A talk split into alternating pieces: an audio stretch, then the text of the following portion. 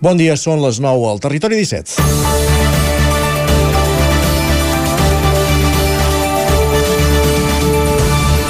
Divendres, a les portes del llarg pont que implica aquesta setmana amb dos festius al mig, parlàvem de l'inici de l'operació sortida i fèiem una crida a la prudència, al seny i a la paciència a la carretera.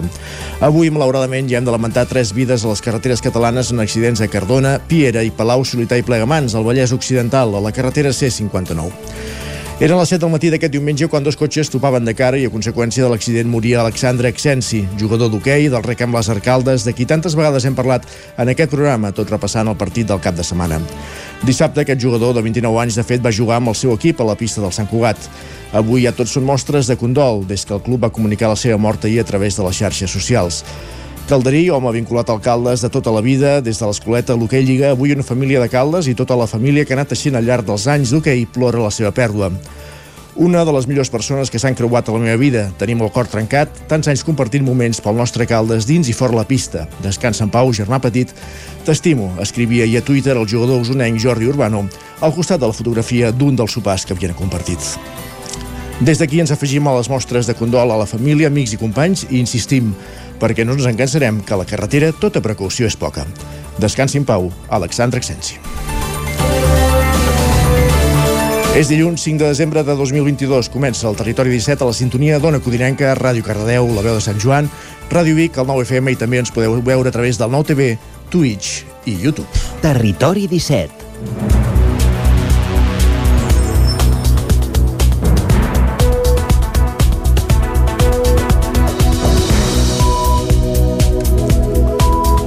Passen pràcticament dos minuts de les 9 del matí d'aquest dilluns 5 de desembre, que comença amb aquesta malaurada notícia, amb la mort d'aquest jugador d'hoquei, d'Alexandre Exensi, d'Alcaldes. En parlarem tot seguit al bloc informatiu en aquesta primera mitja hora del programa, on ens dedicarem a repassar les notícies més destacades del territori 17, des d'ara fins a dos quarts de 10, afegint-hi també, però, la previsió del temps i un repàs, uh, un cop d'ull a les portades, anirem al quiosc amb la Clàudia Dinarès.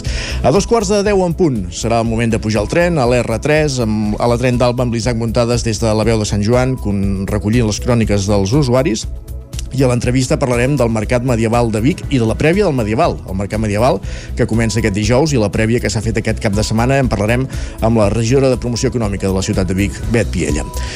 Uh, tot seguit serà el moment d'endinsar-nos de, als solidaris, avui amb la Laura Serrat des de Ràdio Vic i parlant de càncer i Covid. Arribarem al punt de les 10 com cada dia amb música. A les 10, moment de posar-nos al dia amb les notícies més destacades de les nostres comarques, la previsió del temps i els esports, el repàs, el que ha, estat de, el que ha donat de si el cap de setmana esportivament parlant. A la darrera mitja hora del programa ens endinsarem al món de Twitter, recollint les piolades més destacades i acabarem, com cada dilluns, amb la tertúlia esportiva anar repassant aquests partits de, del Mundial amb una data fixada, el partit de vuitens de final de demà entre Espanya i el Marroc. Aquest és el menú del Territori 17 d'aquest dilluns, com dèiem, 5 de desembre de 2022. Per tant, moment de començar, moment de començar a repassar les notícies més destacades de les nostres comarques, el Vallès Oriental, Osona, el Ripollès i el Moianès.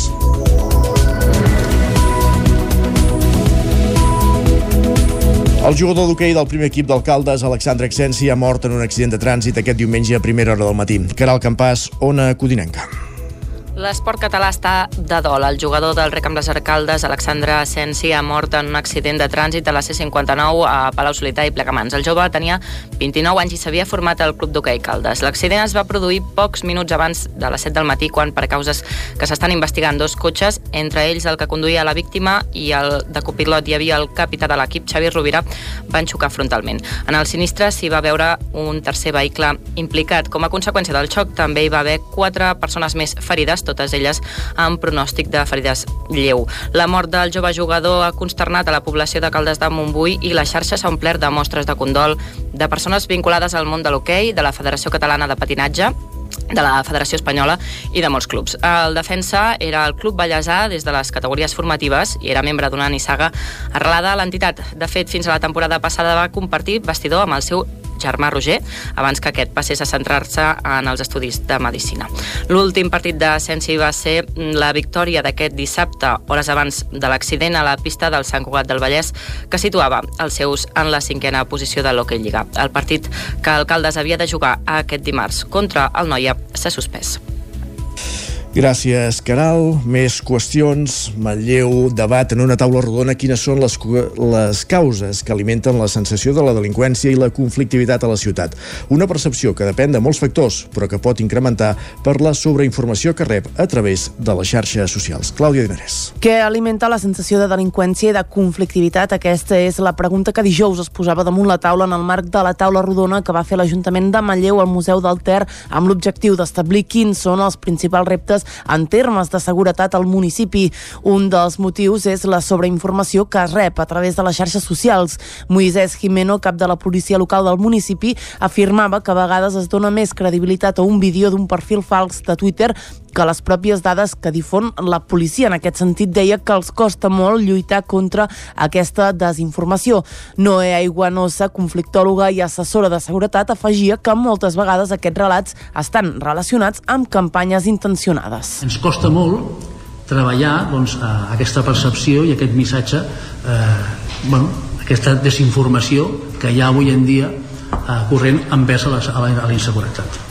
A més a més, després hi ha qui aprofita aquest missatge perquè si no té aquest missatge no pot eh, expressar el que vol i aprofita aquest missatge per, per, per comunicar no? doncs, eh, si s'apunta doncs, a aquesta desinformació no? a vegades les, les percepcions d'inseguretat són eh, estratègies polítiques organitzades amb interessos electorals eh, d'una determinada visió del món que s'atien que agafen les nostres pors i les instrumentalitzen de manera, per mi, ètic, no ètica, no? Per combatre la sensació d'inseguretat, Joan Salamanya, cap dels Mossos d'Esquadra Osona i Aiguanosa van demanar una responsabilitat individual. Així mateix van coincidir en el fet que la seguretat no pot dependre únicament dels cossos policials. Hi ha la necessitat de treballar de forma molt transversal el tema de la seguretat. Deixar-ho només en mans de la policia és arriscar-se que només fem servir mitjans policials. Concebre la seguretat només des d'una mirada policial o de seguretat ciutadana ens fa perdre molta perspectiva i des de la meva opinió ens fa perdre molt, ens fa tenir molt marge d'error perquè el disseny de la política pública és molt diferent si tu estàs gestionant la inseguretat objectiva del delicte a si estàs gestionant temes de convivència o si estàs eh, gestionant conseqüències de relats intencionats. Com a millores dels cossos policials, Jimeno va apuntar que la policia s'havia d'adaptar a les noves necessitats i ser més accessibles. En aquest sentit, Salamanya va destacar que no podien fallar en el tracte amb la gent. Per la seva banda, l'assessora en seguretat va destacar que calia replantejar el disseny de la política pública per gestionar la percepció d'inseguretat, la seguretat o la convivència. Gràcies, Clàudia. Més qüestions. Els organitzadors del Festival de Nadal de Fulgaroles presenten un recurs de reposició per poder obrir aquesta setmana. Dissabte van ajornar l'obertura arran de la denegació de llicència per part de l'Ajuntament. Els organitzadors del Festival de Nadal, projectat per fer durant tot el mes de desembre l'Alzina de Mas Torrents a Fulgaroles, van anunciar divendres a la nit que ajornaven l'obertura prevista per dissabte al migdia. El motiu era la denegació de l'autorització per fer l'activitat per part de l'Ajuntament. Dissabte al matí, els promotors del Festival d'Iniciativa iniciativa privada s'afanyaven a redactar un recurs de reposició que presentaran aquest dilluns amb l'objectiu que l'Ajuntament canvi d'opinió. Si fos així, la nova data d'obertura encara no està definida, però la voluntat de l'organització és que sigui al llarg d'aquesta setmana. Mentrestant, al recinte on està programat el festival, els agents de seguretat informen a la porta que l'activitat està aturada. Dissabte al matí es van poder veure alguns dels firaires contractats com marxaven del recinte amb la food truck. Per Paral·lelament a això, un centenar de persones es van concentrar dissabte al matí a la plaça mossèn Cinto Verdaguer de Fulgaroles, convocades per la plataforma per una plana viva en contra de la realització del Caganer Festi Market. Tenint en compte que els organitzadors a aquella hora ja havien anunciat l'ajornament de l'activitat, la manifestació no es va moure de la plaça on sí que van llegir un manifest expressant els motius de la seva oposició. El Pirineu gironí ha rebut aquest any fins a 31 d'octubre més de 900.000 turistes i 9 de cada 10 visitants del Ripollès Ripollès són de l'estat espanyol, segons el Patronat de Turisme Costa Brava de Girona. Isaac Muntades, la veu de Sant Joan. Una quarantena de representants del sector turístic de les comarques del Ripollès i la Cerdanya van omplir de gom a gom l'espai cultural de Cal Marquès de Camprodon, que dijous passat va acollir la presentació de la temporada d'hivern 2022-2023 del Pirineu de Girona. L'esdeveniment, organitzat pel Patronat de Turisme Costa Brava de Girona de la Diputació de Girona amb la col·laboració de ferrocarrils de la Generalitat de Catalunya i les cinc estacions d'esquí gironines, va dibuixar una radiografia molt acurada de la temporada temporada turística 2022 amb un munt de dades de patrons de mobilitat al Pirineu. El vicepresident segon del Patronat de Turisme Costa Brava, Girona, Jordi Masquefa, va destacar el tret diferencial de les comarques gironines. No només desenvolupa una tasca de promoció del turisme de sol i platja, sinó que el Pirineu de Girona representa l'alta cara indestriable i fonamental de la mateixa moneda. Amb aquesta campanya que al meu entendre és sensacional i atemporal anomenada Viu el Dòrpola, que posa en valor el nostre territori a les seves dues vessants, la costa però també l'interior, el mar però també la muntanya. En global, de l'1 de gener al 31 d'octubre del 2022 van arribar al Pirineu gironí 907.000 turistes que van generar 1,9 milions de pernoctacions. Això va suposar un decreixement del 8% del turisme i del 4,5% en pernoctacions, però Masquefa ho va justificar. Que durant els tres primers mesos de l'exercici 2022, mesos especialment complicats, amb l'arribada de la variant Omicron de la Covid-19, es van mantenir les restriccions que van afectar especialment els aforaments i, per tant, condicionar els desplaçaments i, en conseqüència, la mobilitat. Que només en aquests tres mesos les pernoctacions van caure un 35% de mitja en comparació als tres primers mesos de l'exercici 2019. A partir del mes d'abril d'aquest exercici es veu una clara tendència a la millora. Per aquest pont de la Constitució, les reserves d'allotjament a la muntanya i interior se situen entre el 65 i el 80%. Està previst que els allotjaments tindran una mitjana d'entre 2 i 3 dies d'estada i la màxima concentració de visitants serà entre el 8 i l'11 de desembre, en què l'ocupació ratllarà el 80 i el 90%. La resta del pont se situarà al 40%. Pel que fa a l'estudi sobre els patrons de mobilitat, Masquefa va explicar que 9 de cada 10 turistes que han visitat el Ripollès en la darrera temporada són nacionals. D'aquests, la majoria provenen de Madrid, València i Saragossa. En canvi, pel que fa a turistes estrangers, guanyen els francesos de golejada amb un 56% dels visitants donada la proximitat amb França i el podi el completen els ciutadans d'Israel i els d'Alemanya. Més d'un 70% dels visitants del Ripollès solen pernoctar a la població que volen visitar i els destins més demandats són Ribes de Freser, Camprodon, Ripoll, Llanàs i Camp de Mano. Gràcies, Isaac. Els patges Gregori i Llum encenen l'allumenat de Nadal de Granollers. Pol Grau, Ràdio Televisió, Cardedeu. Centenars de persones han participat aquest divendres dia 2 a la tarda en l'encesa de l'enllumenat de Nadal dels carrers de Granollers, que ha permès l'estrena de la instal·lació lumínica creada per Xavi Bellona, sota de la porxada que conté 3.000 desitjos en forma de missatges i dibuixos d'alumnes de 5è i 6è de primària dels centres educatius de la ciutat. L'encesa ha tingut tres protagonistes, el patge Gregory, en Picarol i la patgessa Llum. Des de dalt de l'escenari, primer, i passejant enmig dels infants que omplien la plaça, han anat posant en marxa els diversos elements luminosos. La instal·lació lumínica de la porxada ha estat el primer. Després, els altres elements com el de la façana de l'Ajuntament, de les oliveres, de la resta d'arbres i les casetes de la Fira de Nadal. També han posat en marxa els llums de la resta de carrers del centre i de la il·luminació repartida per tots els barris de la ciutat que funcionarà, fins a la nit de Reis, amb un horari lleugerament retallat respecte a l'any passat. I a Vic també els llums de Nadal ja il·luminen la ciutat. Tenint en compte el context global i el preu de l'energia, aquest any l'Ajuntament ha pres mesures per reduir el consum energètic, Clàudia. Vic va viure divendres l'encesa dels prop de 400 llums de Nadal repartits per la ciutat davant la crisi energètica. Enguany, l'Ajuntament ha pres mesures per potenciar l'estalvi energètic. D'entrada, la lluminària nadalenca s'encén una setmana més tard de l'habitual i durant els 35 dies que s'engegarà ho farà només fins a les 11 de la nit. Ho explicava Evet Piella, regidora de Promoció Econòmica de Vic. Ens semblava que el context ho requeria, que tota aquesta qüestió de l'estalvi energètic, o, o més aviat el consum energètic, la despesa energètica, requeria doncs, que entre tots penséssim quina, quina mesura de sensibilització podíem fer enfront d'aquest fet. I per tant ens va semblar adient, d'acord amb els comerciants, perquè sabeu que l'encesa dels llums de Nadal i la decoració de Nadal sempre la fem de comú acord amb els, amb els comerciants, vam acordar que seria una setmana més tard. El cost de mantenir encesa la lluminària de Nadal, que és de tecnologia LED, serà de 37 euros i mig al dia, pel que el cost total dels 35 dies es quedarà en prop de 1.300 euros. Més enllà de potenciar l'estalvi energètic, la campanya Nadal en propòsits d'aquest 2022 portarà altres novetats, per exemple, en la cavalcada de Reis. Enguany tornarà a la normalitat després de la pandèmia, però les obres a diversos carrers de la ciutat obligaran a modificar el recorregut. Albert Castells és el regidor de Medi Ambient de Vic. Degut a les obres de la rama del Montcada i del Bisbat, doncs lògicament doncs, les majestats dels Reis hauran de fer un gir al final del Parc Balmes cap al carrer Ensam Clavé i carrer Soledat i Hospital d'en Cloquer i pujar el passeig pel carrer Torres i Bages. Per tant, haurem de fer aquesta volta degut a aquestes obres i per tant això significarà que segurament segurament l'entrada a la plaça Major sigui uns 25 o 30 minuts més tard del que és habitual, entorn de dos quarts de nou de, del vespre. Finalment, la campanya Nadal amb propòsits 2022 inclourà desenes d'activitats, entre les quals hi ha el retorn del Saló de la Infància de l'edifici del Sucre o la iniciativa de Vic Comerç de sortejar al llarg del mes de desembre 3.000 euros en premis a través de la targeta urbana. I en la mateixa línia que la capital usonenca, Manlleu també ha optat per prendre mesures per estalviar energia i aigua en el mar del Ba de Nadal, una edició que arrencarà aquest dimarts demà. Per altra banda, els dies 3 i 4 de gener tornarà el campament reial, que permetrà als infants de Manlleu conèixer de primera mà els Reis Mags abans de la cavalcada. Demà obrirà al públic la icònica pista de gel del band de, del Pà de Nadal fins al 8 de gener. Enguany també s'ha desglossat en una pista gran i una pista petita, que a més s'han ampliat per millorar les mesures de seguretat i reduir el risc d'accidents fent que sigui la pista de gel exterior més gran de Catalunya.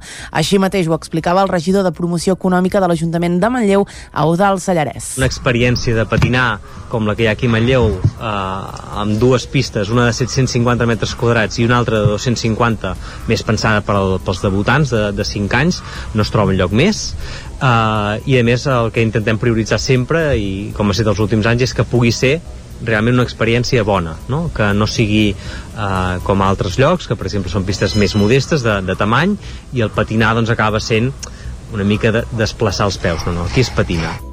Els costos, segons Sallarès, preocupen el consistori que han col·locat la pista de gel en l'extrem de la plaça on hi ha menys hores d'incidència solar i apagaran les màquines de gel durant les nits més fredes per tal d'estalviar energia i aigua. A més, les llums de Nadal s'apagaran a les 10 de la nit. Apunten que el cost total del va de Nadal serà d'uns 200.000 euros aproximadament. De fet, els últims anys hem anat, eh, diguéssim, perfeccionant els mètodes d'estalvi, abans que fins i tot hi hagués el, el tema aquest de, de la el cost energètic.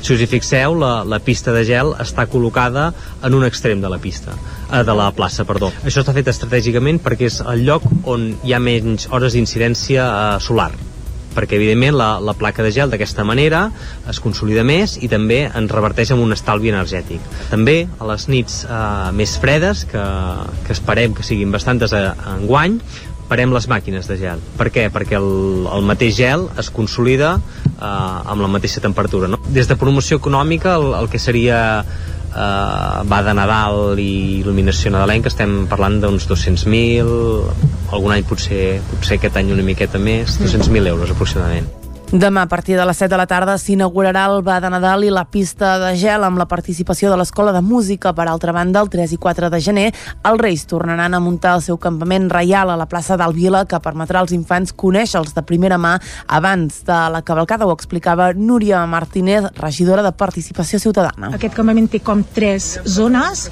Una és el que són les estances reials, l'altra són els tallers màgics per nens, i en l'últim estant són l'últim escenari, que és l'últim escenari més gran, és on surten els reis, no? els reis de l'Orient que fan un petit espectacle, eh, escolten els nens, a les nenes, els nens els hi poden donar les seves cartes. La cavalcada, però, no arribarà fins al vespre del 5 de gener. Els Reis faran una rua pel municipi amb cavalls i carruatges amb regals acompanyats de 140 patges. Acabem aquí, gràcies Clàudia, acabem aquí aquest repàs informatiu que començàvem al punt de les 9 en companyia de Clàudia Dinarès, Isaac Muntades, Caral Campàs i Pol Grau. Un moment ara de saludar també a Pep Acosta.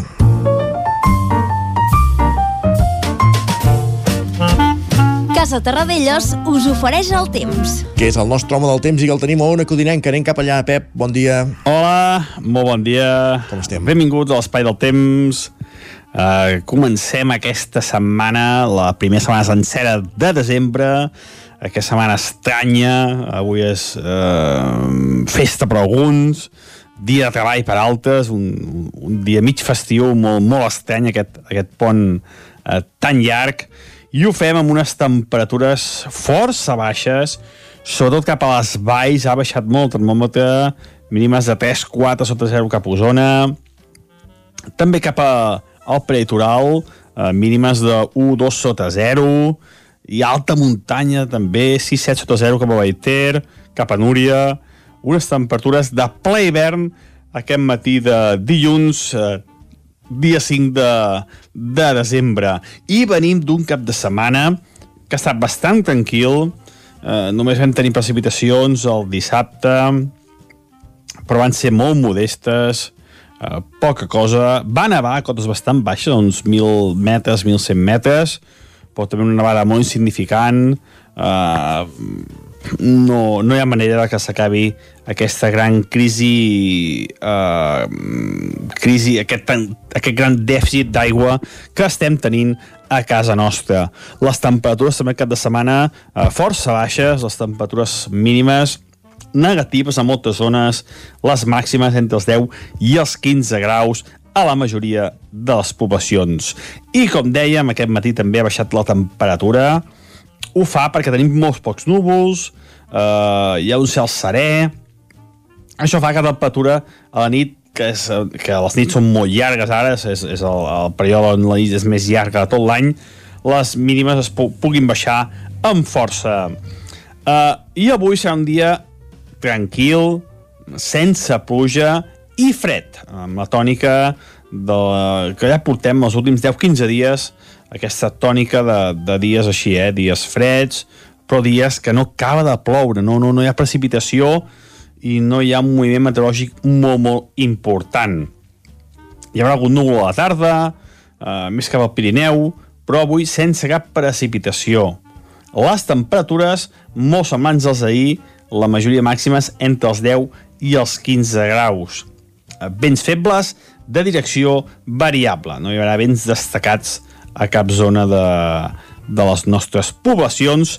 Això fa que hi ha alguna boira i aquestes boires es mantindran durant forces hores ja que no, no hi haurà elements, eh, no hi haurà el vent que les farà aixecar i per tant duraran força, força hores aquestes eh, boires. A destacar que els pròxims dies aquests dies de festa, de pont, eh, no es preveuen grans pertorbacions eh, i les temperatures pujaran una mica una mica respecte a aquests dies. No hi haurà un ambient tan, tan fred durant aquests pròxims dies. Però bueno, ja anirem concretant dia per dia. Adeu! Doncs hi anem concretant. Gràcies, Pep. Parlem d'aquí una estona. Casa Tarradellas us ha ofert aquest espai. I després del temps ja sabeu que cada dia el que fem és fer una capussada al quiosc.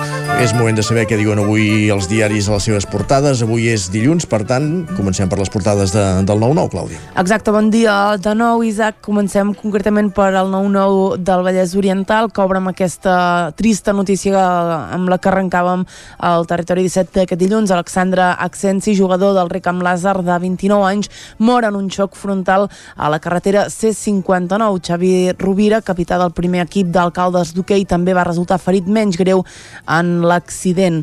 A la imatge de la portada, Nadal escampa la seva llum al Vallès, més parades que mai a la 26a Fira dels Torrons de Llinars. És època de fires i de festes de Nadal, també ho veurem a l'edició d'Osona i el Ripollès. Seguim encara al Vallès Oriental. Càritas tira endavant dos projectes per atendre persones sense sostre a Granollers i també a les Franqueses i Cardedeu limita la velocitat dels patinets a 25 km per hora i els prohibeix circular per les voreres. Un últim titular, la policia local de les Franqueses enxampa infraganti un home acusat de cinc robatoris a comerços. Molt bé. Repassem la portada ara del 9-9 d'Osona i el Ripollès. Som-hi, anem a Osona i el Ripollès, que diu les pistes d'esquí del Ripollès estrenen una temporada que afronten amb optimisme, tot i que preocupa l'augment de costos pel preu de l'energia, és el primer hivern sense restriccions per Covid-19. A la imatge, setmana de fires prenadalenques, concretament hi veiem una imatge imatge de la Fira d'Espinelves a la Fira de l'Avet. Uh, un últim titular i anem a les portades catalanes. Un centenar de persones protesten pel mercat de Nadal de Fulgaroles. Anem a les portades a Barcelona. Abans jugues a la Bonoloto, tu, Clàudio? No. no. no? Doncs mira, una butlleta de la Bonoloto premiada amb 84.617 euros a Torelló. Ho avança ara el 99.cat, també. Molt bé. Enhorabona, eh? Exacte, el fortunat o fortunat. Exacte. Anem cap a les portades que s'ha dit a Barcelona. Som-hi, comencem per al punt avui que diu la cambra vol créixer. L'actual edifici del Parlament ha quedat petit i cal una solució urgent. El Parlament voldria altres edificis del parc per guanyar espai. S'han proposat l'hivernacle i també l'ombracle per la sala d'actes i la biblioteca. Uh, anem directament al diari Ara que diu l'Iran intenta aturar la protesta dissolent la policia de la moral. La mesura diu no aclareix si continua continuaran els controls i s'ha rebut amb escepticisme al país. Uh, una dada que dona el diari Ara, les proves d'alcoholèmia cauen, han picat en 10 anys. Sembla que alguna cosa uh, dins de tan caos uh, funciona. Anem al periòdico. Cònsuls honoraris donen ales a la propaganda de Putin. Recolzen les campanyes més controvertides del Kremlin, inclosa la sagnant invasió d'Ucraïna. I avui part dels protagonistes són els membres del tricicle. Adeu, aquest cop sí, al tricicle. Els tres membres de la, de la companyia van posar ahir punt final a 40 anys de carrera des de l'escenari del Liceu. I acabem amb l'avantguàrdia que diu les protestes forcen l'Iran a suspendre la policia de la moral. També entrevistant a Pedri González, que diu el futbol és cada vegada més físic. El migcampista afronta amb optimisme el partit contra el Marroc. I ara sí, eh, acabem aquest últim minut i mig parlant de les portades que s'editen a Madrid. Ho farem molt ràpid, anem al país que diu el Partit Popular eh, fa marxa enrere i el Partit Socialista ho iguala abans de l'any electoral i Ucraïna vol ressuscitar la seva indústria militar pel temor a una guerra llarga. Anem al Mundo que diu Podem, Podemos reforça Montero i veu probable la ruptura amb Díaz i alerta perquè la Guàrdia Civil diu demanarà menys nota a dones que homes. Les aspirants aprovaran amb qualificacions un 15% més baixes. Carai. En fi, Anem a la raó que diu la revisió de la llei del només sí és sí comença a plantejar-se i les forces d'Ucraïna aconsegueixen creuar el riu Níper. Acabem, com sempre, les portades eh, espanyoles amb l'ABC, que diu el projecte ideològic del govern a cop de reformes penals. És eh, un tema propi, un, amb una portada de llençol, com, com és habitual veure amb l'ABC. Perfecte, doncs moltíssimes gràcies, Clàudia. Fins ara. Fins ara. Repassades les portades, fet aquest cop d'ull al quiosc, el que fem nosaltres és fer una petita pausa, però no patiu, tornem de seguida. Ja tenim l'Isaac Muntades a punt amb la seva crònica diària sobre els usuaris de l'R3 a la tren d'Alba i després parlarem del Mercat Medieval de Vic. Ara ho dèiem, són dies de festes d'activitats nadalenques. Vic, a partir de dijous, acull una nova edició del Mercat Medieval. Hi ha hagut una avançada, una prèvia aquest cap de setmana amb la prèvia del Medieval. De tot plegat en parlarem amb la Bet Piella, que és la regidora de promoció econòmica de la ciutat. Ara, com dèiem, fem una pausa, 3 minuts, i tornem aquí al Territori 17. El nou FM, la ràdio de casa, al 92.8. Cobertes serveis funeraris. Els nostres tanatoris estan ubicats en els nuclis urbans més poblats de la comarca d'Osona per oferir un millor servei. Tanatori de Vic, Tanatori de Manlleu, Tanatori de Centelles i Tanatori de Roda de Ter. Sabem que són moments difícils i per això el nostre compromís és atendre-us en tot moment amb un tracte humà, sensible i respectuós. Cobertes serveis funeraris. Telèfon 24 hores 93 883 23 46. Has esperat que arribi el fred per comprovar si et funciona bé la caldera? No pateixis, a Casa Jové som especialistes en manteniment, reparació i revisió d'equips d'aigua calenta i calefacció, tant en l'ambient domèstic com industrial. Si tens una avaria, no ho dubtis. Som Casa Jové. Ens trobaràs al carrer Girona, número 9 de Vic i al telèfon 93 886 1596. Casa Jové, el teu servei tècnic de confiança. Amb Pradell estalvio energia i cuido la meva butxaca i el medi ambient. Posa't en mans de Pradell. Són experts en calderes de gas i condensació, estufes de pèl·let, energia solar, terres radiants, geotèrmia i aerotèrmia. Pradell instal·la calderes de biomassa per a particulars i per a empreses. Si vols estalviar un 50% en consum, contacta amb Pradell i passa't a les energies renovables. Pradell som a l'Avinguda Països Catalans 27 de Vic. Telèfon 93 885 11 97. Pradell.cat. Us desitgem bones Al mirador del Puigsecalm hi trobareu un espai agradable amb la mirada posada en la gent gran, enmig de la natura, a només 15 minuts de la Vall del Gès. Busquem oferir la millor atenció personalitzada per a tots els nostres usuaris, tot des d'un lloc privilegiat al cor de la Vall d'en Bas, amb vistes al Puigsecalm. Residència al Mirador del Puigsecalm, un capital humà al servei de les persones. Trobareu tota la informació a miradorpuigsecalm.cat.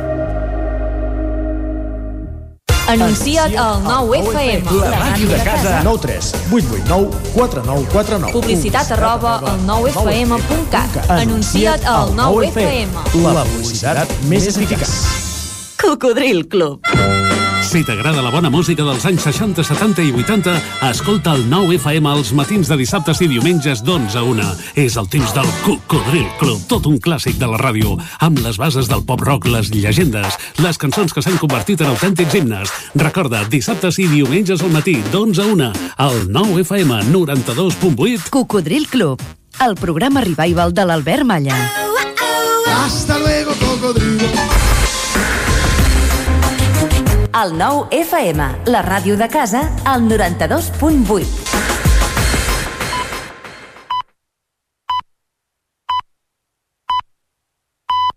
Territori 17.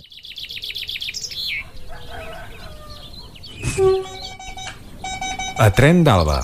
Cada dia els usuaris i usuàries de la línia R3 de Rodalies que veuen sortir el sol des d'un vagó ens expliquen les gràcies i les penes del primer comboi que uneix Ripoll i Barcelona o les feixugues jornades amb el tren després de treballar. Benvinguts a Tren d'Alba. Doncs recordeu que els treballs que DIF està executant per posar en servei el traçat definitiu de l'R2 Nord per l'interior de la Sagrera i la nova estació de Rodalies de Sant Andreu obliguen que entre el 3 i el 10 de desembre els trens de la línia R2 Nord i R11 iniciin i finalitzin el seu recorregut a l'estació de Montcada i Reixac. Per tal de garantir la mobilitat de les persones usuàries de les línies, Renfe ha establert un servei de bus complementari a Montcada i Reixac per aquests dies. Cada 15 minuts entre les 6 del matí i les 10 de la nit des de l'estació de Montcada i Reixac i fins a Barcelona la Sagrera Meridiana. Pel que fa al servei a l'aeroport, aquesta es realitzarà amb origen i destinació Barcelona Estació de França. Els viatgers de Granollers Centre els dies laborables de dilluns a divendres entre les 6 i dos quarts d'onze del matí disposaran d'autocars directes a Barcelona a la Sagrera Meridiana i entre Barcelona a la Sagrera Meridiana i Granollers Centre de 5 a dos quarts de 9 de la tarda. Els dissabtes, diumenges i festius l'horari serà de 8 a 3 quarts d'11 i de 6 a 3 quarts de 9, respectivament en cada sentit. Va, escoltem ja la crònica d'avui d'en Jordi Valls. Bon dia, sóc en Jordi de Centelles. Avui el tren de les 6.07 ha arribat 8 minuts tard. A plaça Catalunya hem coincidit amb un altre tren que anava cap a Manresa i déu nhi la de gent que pujàvem i hem hagut de fer cua per sortir. Res. Avui ens ha passat una cosa molt curiosa perquè a Parets se sent una veu allò de ting-dong que dius, oh no, señores viajeros, vamos a reinicializar el tren. O sigui, la Renfe també aplica aquella llei de qualsevol informàtic informàtica, que és, si no funciona, apagar i tornar a encendre. Sí, sí, ens han apagat i ens han tornat a encendre. El tren anava força puntual i el maquinista anava a bon ritme. I allà, doncs, hem hagut d'esperar que reinicialitzar el tren, que són 5, 6, 7 minutets, més esperar l'encreuament perquè hem fet esperar. Ai, allò que anàvem bé s'ha espatllat. Coses. La gent, si hi ha gent que m'escolta de la R2 Cardedeu als voltants, sabeu que els vostres trens acaben a Montcada. I a partir de llavors, autobús fins al dia 11 de desembre. Ho dic per si algú pensa baixar a Barcelona de compres en transport públic, potser que es plantegi l'autobús o uns altres sistemes. Perquè des de Montcada a Barcelona hi haurà autobusos, però fins a Sagrera. O sigui, pot ser una bona aventura. I els trens de la R4 ja es notava que anaven plens. Bé, mm, les obres el dia 11 en principi han d'obrir ja i baixar fins a Passeig de Gràcia, Sants, i imagino que millorarà, no?, perquè tant de temps així. Doncs res, no us atabalo més. Vinga, cuideu-vos molt i bona setmana. Adéu-siau. M'ha agradat això de reiniciar el tren. És com dius tu, quan no funciona has de fer com l'ordinador, tancar sessió o reiniciar i arrasar que funcioni millor. La majoria de vegades funciona, però n'hi ha que no. Almenys heu tingut sort i heu pogut continuar endavant. Va, ens retrobem dimecres amb més històries del tren i de l'R3. Fins dimecres, gràcies Isaac. Recordeu que el tren també és un sistema de transport per arribar al Mercat Medieval de Vic. En parlem tot seguit. Territori 17, el 9 FM, la veu de Sant Joan, Ona Codinenca, Ràdio Cardedeu, Territori 17.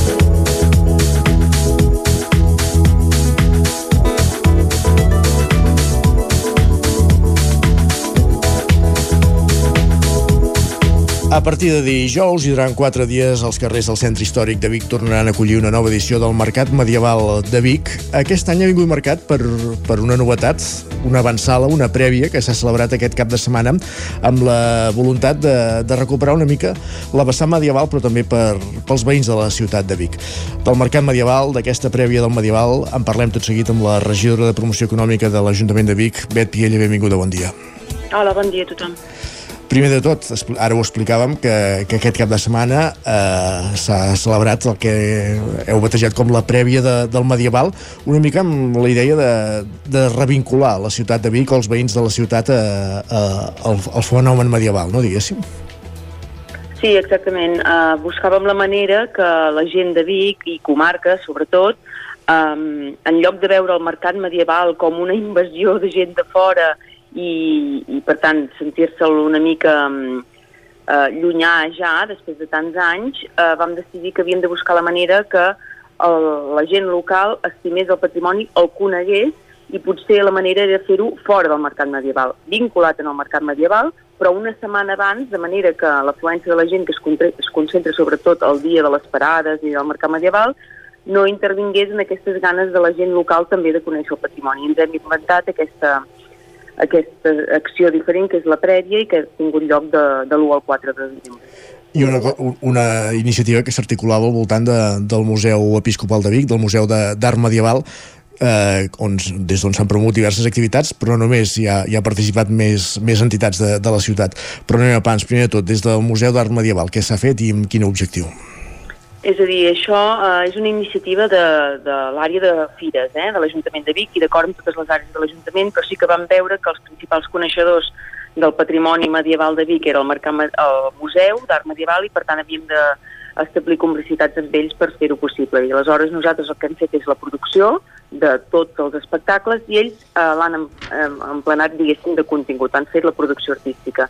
Ens vam posar a treballar de manera molt, molt colze a colze un equip de Fires i un equip del MET i ha sortit activitats de tota mena, des de tallers de pintura i cal·ligrafia medieval, des de visites guiades i teatralitzades, espectacles teatrals, cicles de conferències que majoritàriament, com deies, han tingut lloc al MEP, i molts jocs a la plaça Major. El Centre Cívic Joan Tridú també ha estat un dels espais així com més, més, amb més afluència i més activitat i també la Farinera, la Jascava, el 8.0, és a dir, ha estat una proposta molt transversal de totes les entitats de la ciutat, no només de les àrees de l'Ajuntament i del MEP, sinó de moltes, moltes entitats de la ciutat i és per això que, que ho valorem tan positivament. Uh -huh. I han passat 1.500 persones durant aquests quatre dies per aquestes activitats, una xifra que no sé si està, a les a la, està dins les expectatives que esperàveu, però que és, està bé, diguéssim, no? Sí, sí, està, està dins les expectatives, potser és una mica superior al que ens esperàvem, perquè clar, és la primera edició i vam dir, bueno, comencem amb una vintena d'activitats, eh, la majoria eh, requerien inscripció prèvia perquè evidentment els tallers eren, eren reduïts si es volia fer ben fet, i vam exaurir ràpidament totes les localitats, alguna activitat que era així més oberta, com les de la Jascava o les de les conferències del MEP, van també tenir molta gent, i en total aquestes 1.500 persones que ens fan reafirmant el fet que hi ha molta gent a Vic i comarca que té ganes de descobrir el, el patrimoni medieval fora del mercat medieval, i per tant la iniciativa de la prèvia puc dir que tindrà continuïtat l'any que ve també. -huh. Aquesta prèvia que ha coincidit amb l'encesa dels llums de Nadal a la ciutat divendres, també els llums de, de l'icònic arbre de la plaça Major que ja està il·luminat eh, la gent ja pot venir a fer-s'hi fotografies sentíem abans un tall de veu teu a les notícies on explicàveu justificàveu també la, la despesa energètica que, perquè moltes vegades es posa en dubte més ara en èpoques de crisi energètica i que, i que posau números sobre la taula, una despesa que, que heu valoritzat i que no és tanta com algú pugui imaginar.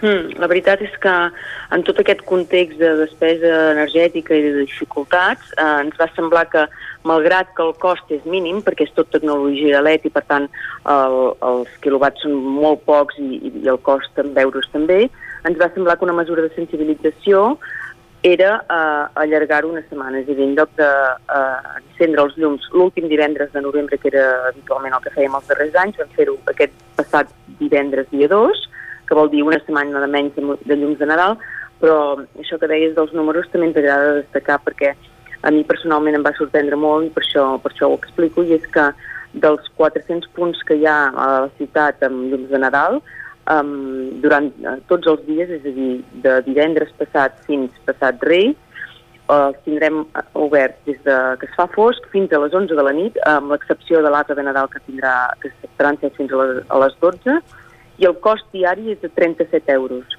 37 euros tots els llums de la ciutat. Això, um, a veure, uh, és un context molt difícil, però tothom pot entendre que és, un, que és un cost molt mínim i que val la pena tenir la ciutat il·luminada perquè d'acord amb els comerciants, aquesta mesura d'allargar un, una setmana més, més enllà l'encesa també va ser consensuada amb ells, l'ambient nadalenc hi ha de ser, el Vic és una ciutat molt atractiva normalment, però per Nadal volem que ho sigui encara més, i la gent tingui oportunitat i moltes ganes i excuses de venir, per tant, el, hi havia d'haver el decorat nadalenc, sens dubte, i si a més a més és tan poc costós com són 37,5 euros cada dia, doncs molt millor. Mhm. -huh. és, lògicament és una despesa assumible.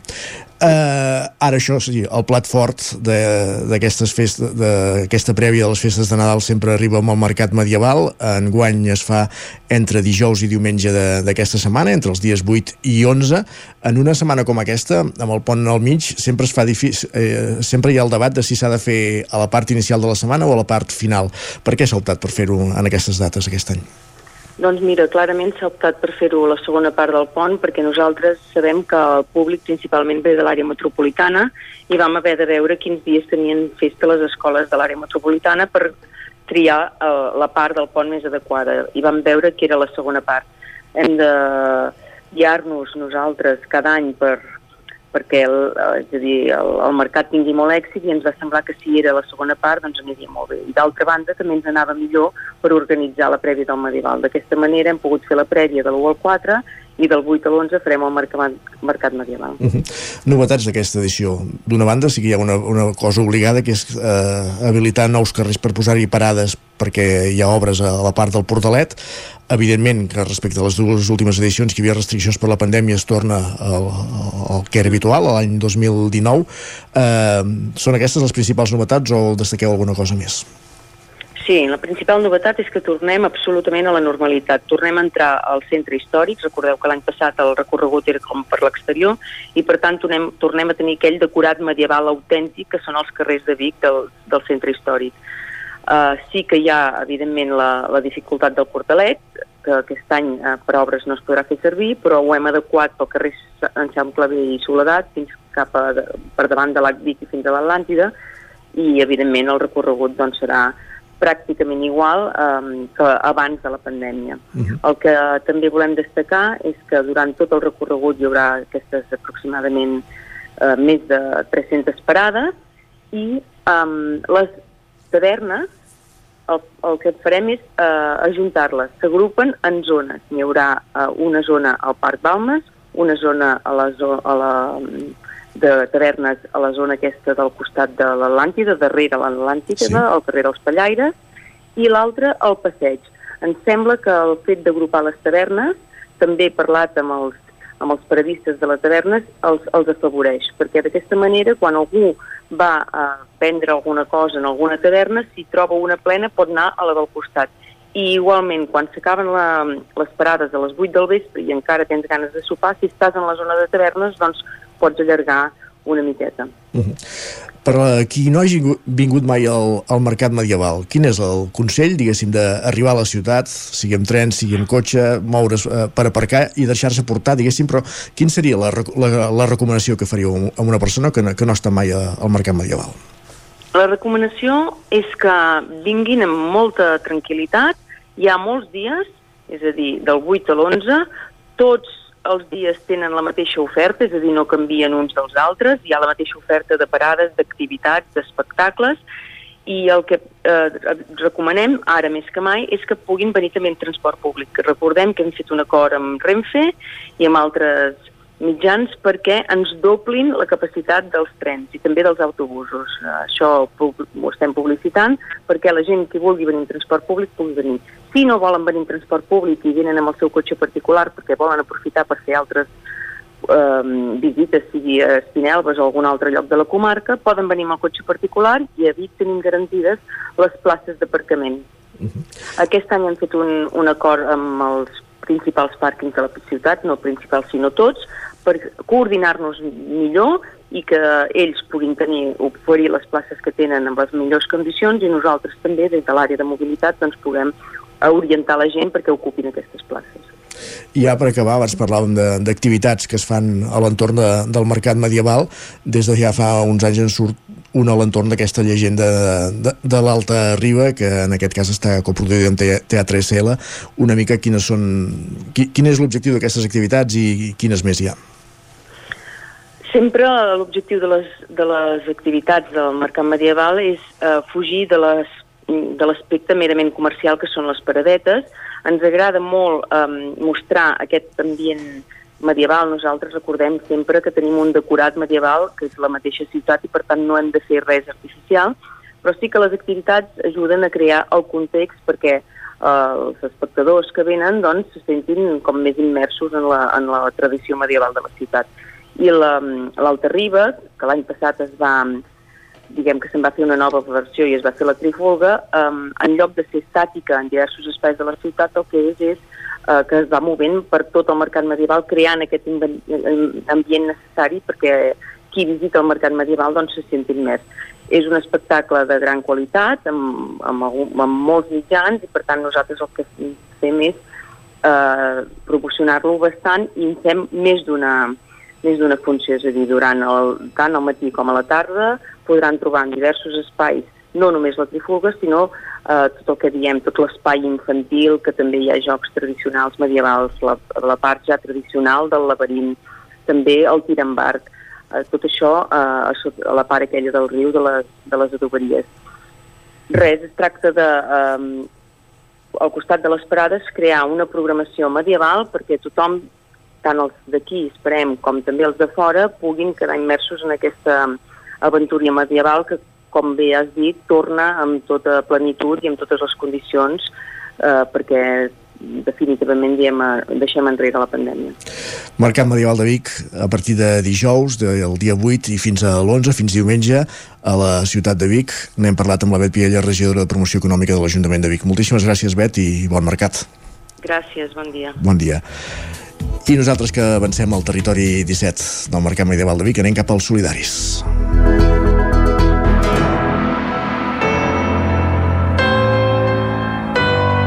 Territori, Territori 17. 17. Territori 17.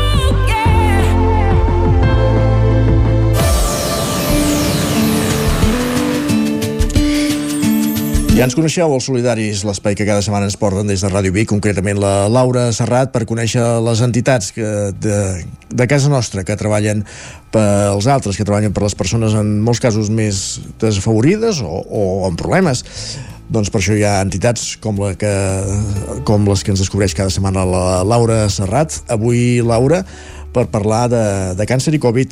Explica'ns, Laura, bon dia, benvinguda una setmana més. En els últims tres programes dels Solidaris hem tingut la possibilitat de parlar amb diverses entitats de les comarques d'Osona, la Selva i el Vallès Oriental, centrades en l'atenció a aquelles persones que lluiten cada dia contra un enemic comú, el càncer. Avui, des de Ràdio Vic i a través de l'antena del Territori 17, parlarem de nou amb Osona contra el càncer, la Fundació Amic Joan Petit i un Covellès sobre les dificultats del tractament oncològic durant la pandèmia. Les tres entitats asseguren que el sector va travessar adversitats econòmiques, logístiques i mèdiques i que les van poder superar sobretot gràcies al voluntariat. Carme Grau, gerent i responsable de salut de la Fundació Oncovellès, ens explica com van viure el trasbals de la pandèmia de la Covid-19 als pacients de càncer i assegura que la feina dels voluntaris i els psicòlegs va ser essencial. En el cas de moltes entitats com la seva, el problema va ser sobretot econòmic, perquè molts dels seus ingressos venen de les activitats i les recaptacions al carrer. Grau ens fa una valoració de l'atenció oncològica en època de pandèmia, donades les dificultats. Va ser tremendo, però vam tenir un equip molt, molt gran, molt, molt, molt gran amb el sentit persones, en què en un dia vam, ens vam posar les piles, no teníem de res, tothom tenia el seu mòbil, tothom tenia... Però bueno, nosaltres en un dia vam arribar a fer 7-800 trucades cada dia amb la gent, videotrucades i els psicòlegs feien igualment les visites des de casa i parlaven amb tothom i vam ajudar molt i vam poder fer moltes coses, però esclar, econòmicament nosaltres guanyem molt al carrer, els donatius i coses que fem al carrer. Llavors això sí que va ser un problema. Es va valorar el que creien que era en aquell moment es havia de fer que hi ha hagut visites que potser haguéssim pogut agafar abans i potser el, el càncer, que sempre com abans s'agafa millor, és anat potser més bé, potser sí, però és que han sigut uns moments tan, tan i tan difícils que fer una valoració d'això ja no em volia en cort a fer-la. Jo t'he de dir que jo aquí no he tingut massa. I a nivell de, de la federació, que és una mica el que hem fet la comparativa, sí, hi haurà hagut anul·lacions, però ja hauríem de saber molt bé que realment per què es va fer i com es va fer.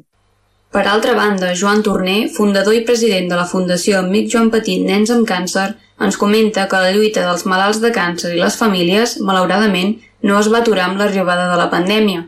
De fet, Torner ens explica que estadísticament el càncer continua donant cada any entre 300 i 400 casos nous a Catalunya i uns 1.000 a tot l'Estat. El president ens explica les circumstàncies de l'oncologia en època de la Covid-19 l'aturada aquesta ha comportat, i això també, també ens ho han comentat doncs, altres tipus de, de càncer d'adults, que són diferents del càncer pediàtric, que s'ha retardat en alguns casos la diagnosi per tota l'aturada. No perquè els metges no hagin fet la feina, sinó perquè hem restat a casa i hem trigat a anar al metge pensant doncs, que ell formava part una mica d'aquesta situació o alguna, alguns símptomes doncs, podien ser lligats a això i per tant no ho relacionaves. I això ha agreujat que s'agrupessin més els casos en els hospitals. També s'han rebut diguéssim, d'algun altre país nens o nenes que estaven en tractament i que s'han tractat aquí a Catalunya perquè és un lloc de referència a nivell mundial. Aquesta és una mica el panorama o la situació que us podem traslladar. Tot i això, tenim la sort doncs, de tindre els equips oncòlegs i els equips de, de medicina en pediatria oncològica doncs, que no han parat i que estan fent una feina però extraordinària en aquest sentit. A nivell d'atenció al càncer, no només els hospitals es van veure damnificats per al col·lapse de la pandèmia. Torner ens explica que donades les restriccions pel virus, les residències per a famílies desplaçades pel tractament del càncer també es van veure saturades. A més, ens explica les complicacions del sector en diverses àrees d'actuació. Hi ha un aspecte que és les residències dels de, pisos d'acollida, les cases d'acollida que hi ha per les famílies, estaven saturades perquè hi ha pisos d'aquests que normalment convivien tres o quatre famílies i en el cas del Covid doncs obligaven a reduir un pis per família i això sí que ha sigut una de les coses doncs, que s'ha notat que ha fet que fos complicat a vegades donar residència a les famílies que es havien desplaçat diguéssim de, de Catalunya i alguns que venien de, de la resta de l'estat d'Espanya. Això ha col·lapsat una mica els llocs aquests de residència, però al final es va trampejant i, i es va tirant endavant, però a vegades doncs, no tant còmodament com es voldria. Per les famílies afectades no ha estat fàcil. Els casos d'infants malalts propers a les fundacions expliquen que van viure una situació molt angoixant. Els pares que ho lluitaven per primera vegada van haver de prendre mesures més estrictes per la prevenció de la Covid-19, per evitar contagiar els infants amb càncer que tenien un sistema immunitari debilitat. La situació va complicar els processos de diagnosi, les intervencions o els tractaments període aquests que, que estan visquint ara amb aquest tipus de malaltia doncs, complica moltes vegades la, la, la situació i a vegades posposa doncs, des, des d'intervencions quirúrgiques, tractaments de, de radioteràpia, situacions de, de, de proves, proves que no es fan aquí com és la prototeràpia, que és radiació amb protons que s'han de traslladar a Madrid o s'han de traslladar a Frankfurt o s'han de traslladar a Ginebra, doncs eh, són, són més, han sigut més complicades aquesta època de l'any, o sigui, aquests dos últims anys. Cristina Herrera, presidenta d'Osona contra el càncer, també recalca que l'esclat de la pandèmia va perjudicar el tractament de moltes altres malalties, entre les quals hi trobem el càncer. Herrera detalla la motivitat dels últims mesos i el retorn als carrers per recaptar fons per la investigació, després d'una temporada d'oficines tancades i contacte telemàtic.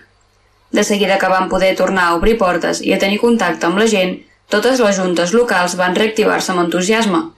La presidenta també rememora les dificultats dels pacients durant la pandèmia. Penseu, va haver-hi uns mesos de la nostra vida en què tot era Covid. I és clar, la preocupació fonamental és que, que uh, hi havia moltes proves uh, rutinàries de detecció precoç que no es podien portar a terme, perquè, és clar, ja sabeu el que passava, no? Per anar als hospitals, doncs havies d'anar, si no hi havia més remei, amb unes mascaretes, amb unes precaucions, els, els malalts havien d'anar pràcticament sols, no podia haver-hi companyia. I, esclar, ens preocupaven les deteccions tardanes dels càncers que d'altra manera es podien detectar de forma incipient, perquè això té unes repercussions preocupants pel que fa al diagnòstic i pel que fa als tractaments per resoldre o pal·liar els efectes negatius d'aquesta malaltia. I era la nostra principal preocupació, aquesta i la soledat de les persones que, que passaven per un tràngol d'aquesta mena, no? Perquè hi havia gent, sí que hi ha gent que està acompanyada de la seva família, però hi ha gent que està sola i es van trobar molt aïllats i això és el que més ens feia patir. La nostra gran preocupació era que, que ningú se sentís sol, que tothom sapigués que, que hi érem, a porta tancada, però hi eren, i que podien tenir-nos al seu costat, encara que fos d'una altra manera, amb haver de reactivar de, de forma virtual, contacte telefònic, ho fèiem com podíem, fèiem com podíem. es fa patent que les restriccions i el col·lapse sanitari durant la pandèmia va fer petjada en diagnosis, tractaments i visites. Els pacients moltes vegades no podien acudir a l'hospital o no reconeixien uns símptomes que es veien difusos amb el virus de la Covid-19. Totes tres entitats porten a terme una acció admirable i necessària per cobrir les mancances del sector, un tema que també els preocupa. Asseguren que, tot i aquestes complicacions, la lluita contra el càncer ha aconseguit avançar a través de la pandèmia amb adaptacions telemàtiques i recaptacions creatives, i que la seva obsessió ha estat i continuarà sent l'acompanyament dels usuaris i usuàries i els professionals de la sanitat per enfrontar-nos junts contra el gegant del càncer. Gràcies, Laura, una setmana més. Bona setmana i fins dilluns.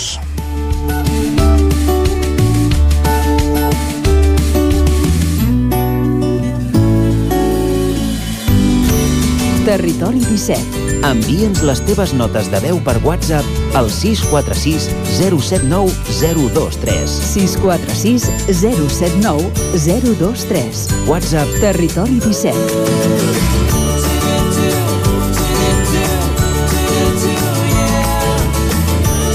Territori 17.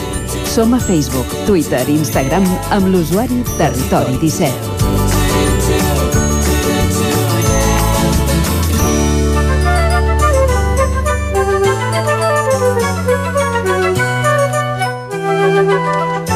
I al Territori 17, recte final d'aquesta primera hora de programa, arribarem a l'Equador com fem cada dia, o sempre que, que és oportú, amb música.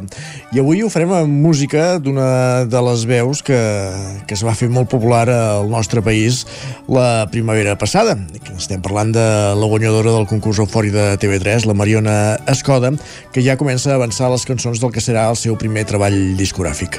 Arribem fins a les 10 amb, aquesta cançó que acaba de llançar. Et deixo la mà, una cançó empoderadora, amb força i potència, on el seu principal significat té a veure amb l'evolució de la Mariona com a artista i dona. És per això que en l'àmbit musical i de producció la veu, el missatge, és l'element principal. L'escoltarem, com dèiem ara, al Territori 17 per arribar al punt de les 10 i a partir de les 10, com cada dia, notícies, les més destacades de, del Territori 17, com cada dia, la previsió del temps i després repàs l'activitat esportiva del cap de setmana a les nostres comarques, un repàs que fem com cada dia en connexió amb les diferents emissores que dia a dia fan possible aquest programa. Com dèiem, fins a les 10 amb música, amb música de la Mariona Escoda, amb aquest nou llançament discogràfic, amb aquesta primera cançó del, seu primer, del que serà el seu primer treball, Et deixo la mà. Mariona Escoda, al Territori 17, fins a les 10. I em ronda pel cap des d'aquell moment que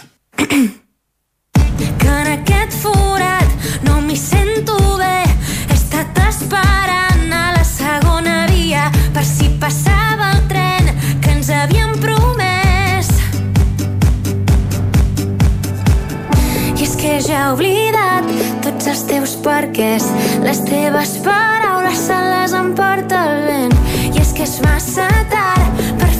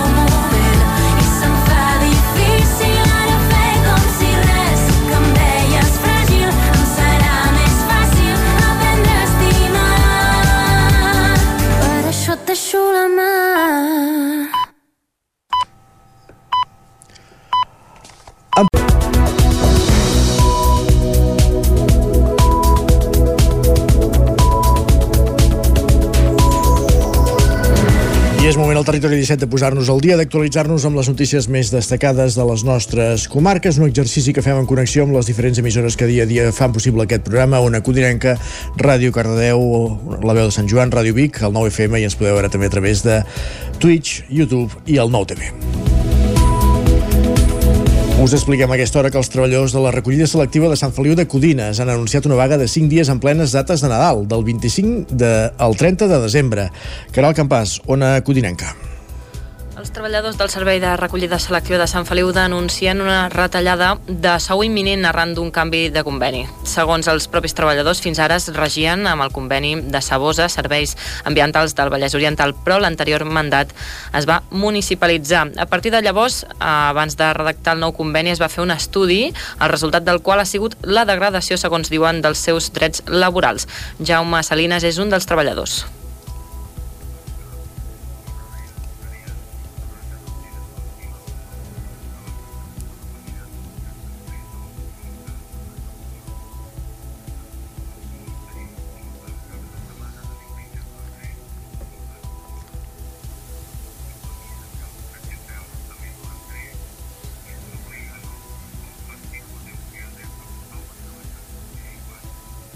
Hauríem d'avançar amb la crònica, Caral, perquè no, gairebé no, és que no, no sentim, és imperceptible aquell tall de veu. Doncs eh, proseguim. El resultat són uns 4.000 euros menys a l'any, segons els propis treballadors afectats, i davant la situació han intentat negociar amb l'Ajuntament, però les reunions no han donat el resultat que ells esperaven. D'aquesta manera, si res no canvia, a través del sindicat IAC-CATAC han convocat una vegada 5 dies en plena festivitat nadalenca. Gràcies, Caral. Avancem més qüestions. Uh, aquest dissabte es va celebrar el Dia Mundial de les Persones amb Discapacitat Intel·lectual. En el marc d'aquesta commemoració, la Federació Representant del Sector Catalunya, DINCAT, vol fer visible les dificultats que tenen les persones per accedir al mercat laboral. Clàudia Dinerès. En les últimes dècades s'han fet passos per assolir i millorar els índexs d'ocupació, però l'entrada de persones amb discapacitat a les empreses encara es topa amb moltes barreres. En el seu assoliment hi juga un paper clau la figura de suport, una figura que proporcionen des d'Eina al Centre de Formació i Inserció Laboral de Sant Tomàs, que Osona, que a Osona atén a unes 150 persones, 118 de les quals eh, ja estan treballant. Des de Sant Tomàs, Ricard Aceves alerta que encara hi ha molta feina a fer. ha augmentat molt les persones amb discapacitat intel·lectual i del desenvolupament que estan contractades els últims anys encara ens queda molta feina per fer i de fet les últimes estadístiques diuen que una de cada cinc persones que voldria treballar amb discapacitat intel·lectual o del desenvolupament doncs no ho aconsegueixen. Per atendre aquesta diversitat eh, d'una persona amb discapacitat intel·lectual no estan sols a l'empresa, sinó que nosaltres estem al seu costat i, el, i, i també el que volem fer veure és que encara que sembli que s'ha de fer un esforç perquè això funcioni, també hi ha un retorn. Com deia Aceves, només una de cada cinc persones amb discapacitat intel·lectual té feina i la taxa d'ocupació se situa al 17%. Més qüestions, encara relacionada amb aquesta data, a Osona, el Centre de Formació i d'Inserció Laboral EINA de Sant Tomàs ha pogut facilitar unes 23 insercions laborals aquest any 2022. Una de les insercions d'èxit i ja consolidades del programa és la de Lima Quiles, a Gràfiques Manlleu, Clàudia. Lima és de Sant Hipòlit de Voltregà, té 31 anys, discapacitat intel·lectual i la seva vida laboral després de passar per un curs d'orientació d'eina ha sigut tot un èxit. Des de fa 3 anys treballa a Gràfiques Manlleu i va arribar després de tenir diversos contractes laborals que no li oferien l'estabilitat que volia. Em va costar moltíssim trobar alguna de jornada completa ja que no m'asseguraven eh, que al cap de l'any d'un contracte em poguessin renovar. Clar, no era qüestió de perdre una feina fixa per una cosa d'un any. Tenir un sou eh, per poder fer el que jo vulgui i ser independent. L'empresa es va plantejar contractar l'IMA primer de tot per complir amb la llei LISMI que obliga les empreses de més 50 treballadors a cobrir el 2% de la plantilla en persones amb una discapacitat igual o superior al 33%. De seguida, però, van veure que el seu perfil encaixava amb el que buscaven i que l'experiència podia enriquir a l'equip. Maria Carme Roca és eh, de Relacions Humanes de Gràfiques Manlleu. No havíem tingut mai el, una persona discapacitada entre nosaltres i no sabíem ni com tractar ni com tenir nosaltres o com donar suport o com encaixar dintre de o com encaixaria o com la rebarien els nostres treballadors. I el veure que en les pràctiques encaixava molt bé i que, que, bueno, que es tractaven com un mes vull dir, senzillament, vull dir que ells han de fer les seves tasques, eh, les tasques que se'ls encomanen i les fan bé bueno, i són molt agraïts. I la veritat és que el personal nostre també s'hi ha implicat moltíssim La inserció laboral de les persones amb discapacitat continua trobant moltes barreres. Segons dades de DINCAT, només una de cada cinc persones amb aquesta condició estan actives. Des de Sant Tomàs reclamen al govern que doni més suport econòmic a les empreses per facilitar les insercions i que la quota del 2% passi a ser del 4%. La història de Lima és tot un èxit per eina, però asseguren que hi ha molta feina a fer. Anem cap al Ripollès perquè Vall de Núria i Vallter 2000 enceten la temporada d'esquí a la comarca. Isaac Muntades des de la veu de Sant Joan. A la presentació de la temporada d'hivern 2022-2023 del Pirineu de Girona feta dijous a Cal Marquès de Camprodon també es va aprofitar per presentar les novetats de les cinc estacions d'esquí del Pirineu gironí, Vallter 2000, Vall de Núria, La Molina, Masella i Guils Fontanera. Les dues estacions ripolleses, Vallter 2000 i Vall de Núria, venen carregades de novetats interessants. En el cas de l'estació de Set Cases, les principals novetats que ha incorporat són dues noves escoles d'esquí i de neu. Una d'elles també és una empresa d'esports d'aventura de neu. Aquest servei estarà disponible per a tots els nivells, tant per adults com per a infants a partir dels 3 anys. El parc lúdic tindrà noves portes d'accés i disposarà d'un espai de venda i recàrrega de forfets únic per a aquesta zona. També s'han millorat els accessos a l'estació, s'han fet paravents a les pistes, s'ha fet una millora dels tancaments dels edificis i s'han incorporat noves màquines de bombeig d'aigua. La responsable comercial de Vallter 2000, Carol Torres, va recordar-ne alguns dels seus atractius. Vallter és l'estació d'esquí situada a la part més oriental del Pirineu i això ens porta dues grans coses. Una, les llevantades, i l'altra gran cosa és que des de la nostra cota màxima de l'estació, a 2.500 metres, des de la cafeteria Marmotes, en els dies clars es pot veure el, el mar Mediterrani. El president de Ferrocarrils de la Generalitat de Catalunya, Antoni Sagarra, que porta una setmana al càrrec i ja ha visitat el Ripollès dues vegades, també va anunciar que aviat podran explicar un nou projecte a Vallter 2000. En el cas de Vall de Núria va encetar la temporada d'esquí aquest dissabte, tot i que divendres ja van iniciar el servei del tren cremallera. Precisament les relacions públiques de l'estació, Ruth Bové, va enfatitzar que l'accessibilitat és un dels encants de l'estació. Jo sempre dic que l'encant de Vall de Núria és aquest accés, no? Com s'arriba a Vall de Núria? Vall de Núria s'arriba mitjançant el tren cremallera i és veritat que ara hi ha una aposta molt important a nivell de sostenibilitat. Quasi que tothom tenim aquestes paraules, no?, de sostenible, medi ambient. Jo dic, ostres, doncs Núria, des de l'any 1931 que vam inaugurar el cremallera i no arriba cotxes a Núria, fa que arribis a Núria i puguis respirar encara aquest aire pur. Vall de Núria es posiciona com una estació de muntanya petita amb 11 pistes i 7 quilòmetres esquiables. Aquests primers dies només s'ha obert la part baixa de l'estació i s'espera poder obrir la resta de manera progressiva a mesura que nevi. Entre les propostes destacades hi ha la recuperació de les activitats de Nadal. Els infants podran participar en el contacontes La Marmota Vall de Núria i els tallers de Nadal els tions que volen convertir-se en desitjos o veure l'arribada dels Reis de l'Orient el 5 de gener. Hi haurà sortides nocturnes, activitats amb raquetes de neu i passeig amb màquines trepitja neu. Gràcies, Isaac. Coincidint amb l'inici de la campanya de Nadal i l'encesa de la Llumenat, la gran majoria de pobles i ciutats d'Osona, durant el cap de setmana i durant set dies més, Espinalba s'ha convertit ja un any més en la capital catalana dels abets de Nadal. Ha començat la Fira de l'Avet, Clàudia. Dissabte el municipi va arrencar la 41a edició de la Fira de l'Avet, un dels grans reclams del pont de la Puríssima. La proposta que del 3 a l'11 de desembre espera plegar riuades de visitants recupera la plena normalitat després de dos anys de formats adaptats a la pandèmia. La Fira compta amb gairebé un centenar de parades d'avets i productes artesanals repetint el sostre habitual dels millors anys. Segons l'alcalde d'Espinalba, si el temps acompanya, esperen tornar a registrar els 75.000 visitants de l'any passat. Les riuades, però, creuen que es produiran els últims dies quan la fira coincideixi amb el mercat medieval de Vic. Pel que fa a la venda d'avets, esperen també superar les dades de l'any passat. La fira va tancar amb entre 3.000 i 3.500 avets venuts. I a Torelló, on ja fa anys que l'enllumenat l'Adalenc s'està substituint per tecnologia LED de baix consum, també han optat, com explicàvem abans en el cas de Vic, per minimitzar la despesa energètica reduint l'horari d'encesa dels llums de Nadal. Com a Vic Torelló va donar el tret de sortida a la campanya de Nadal divendres a la tarda, també es van obrir tots els llums de Nadal que decoren els carrers del municipi, una estampa que s'allargarà fins després de festes i que no va a més, sinó que manté el mapa de carrers il·luminats dels altres anys. Mercè Faja, regidora de Promoció Econòmica i de Comerç de l'Ajuntament de Torelló, dilluns passat deia que la decisió de reduir l'horari d'encesa dels llums es va prendre conjuntament amb el teixit comercial del municipi.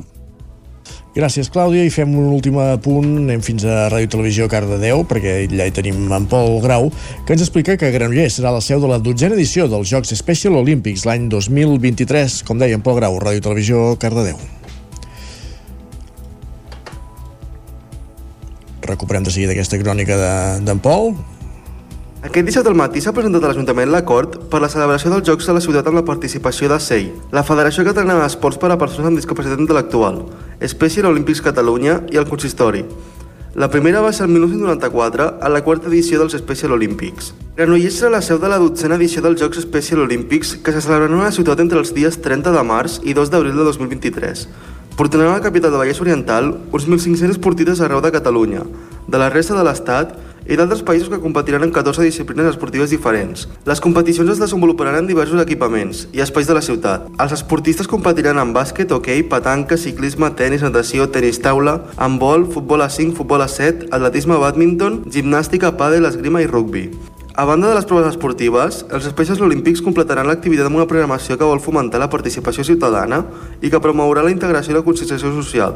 La cita de Granollers portarà un programa de voluntariat que donarà una oportunitat a tothom i un altre de formació per a centres de secundària amb l'objectiu d'ajudar a entendre la normalitat de la discapacitat intel·lectual. Per primera vegada, s'emetran en streaming diferents competicions per facilitar el seguiment de familiars dels participants. També es promocionarà la modalitat d'esports bonificats, que fomentarà la igualtat i la inclusió. Gràcies, Pol. 3 minuts perquè sigui un quart d'onze del matí al territori 17. Després de repassar les notícies més destacades de les nostres comarques, en companyia de Pol Grau, Isaac Muntades, Clàudia Dinarès i Caral Campàs, és moment de conèixer la previsió del temps. Anem a una codinenca. Casa Terradellos us ofereix el temps. Pep Acosta, bon dia. Quin temps farà les properes hores i aquest pont? Hola, molt bon dia. Les temperatures també cap de setmana eh, força baixes, les temperatures mínimes negatives a moltes zones, les màximes entre els 10 i els 15 graus a la majoria de les poblacions. I com dèiem, aquest matí també ha baixat la temperatura. Ho fa perquè tenim molts pocs núvols, eh, hi ha un cel serè, això fa que la temperatura a la nit, que, és, que les nits són molt llargues ara, és, és el, el període on la nit és més llarga de tot l'any, les mínimes es pu puguin baixar amb força.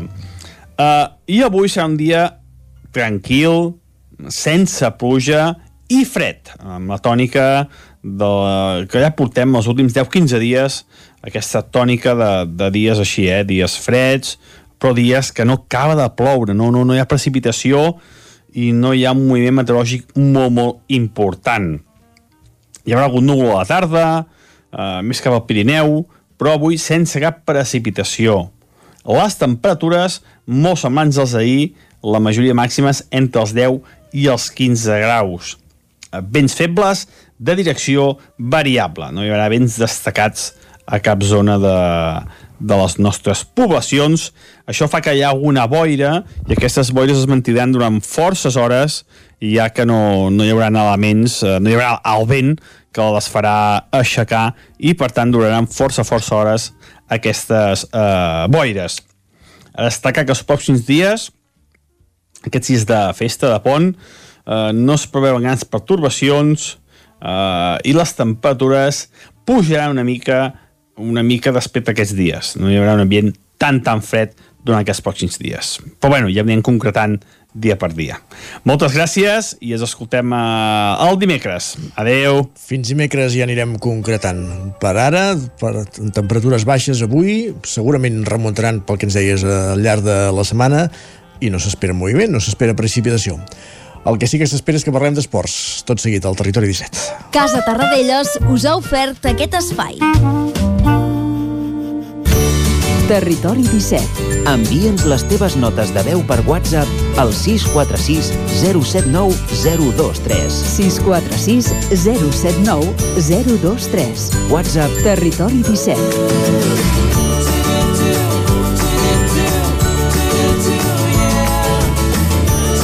Territori 17. Som a Facebook, Twitter i Instagram amb l'usuari Territori 17.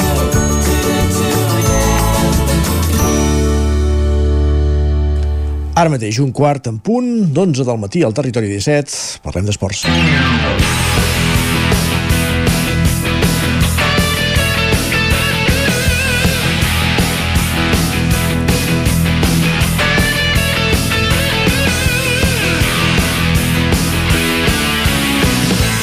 Una jornada esportiva que ens arriba marcada per la malaurada notícia que donàvem a l'inici del programa per la mort d'Alexandre Exensi, jugador d'alcaldes d'hoquei, però i, més enllà d'aquesta malaurada notícia, el que volem fer ara és repassar els resultats, els marcadors que hi ha hagut durant tot el cap de setmana a els diferents territoris de, del territori 17. Comencem aquest recorregut a Ràdio Cardedeu, allà ens espera una setmana més amb Pol Grau. Benvingut, Pol, bon dia. Bon dia.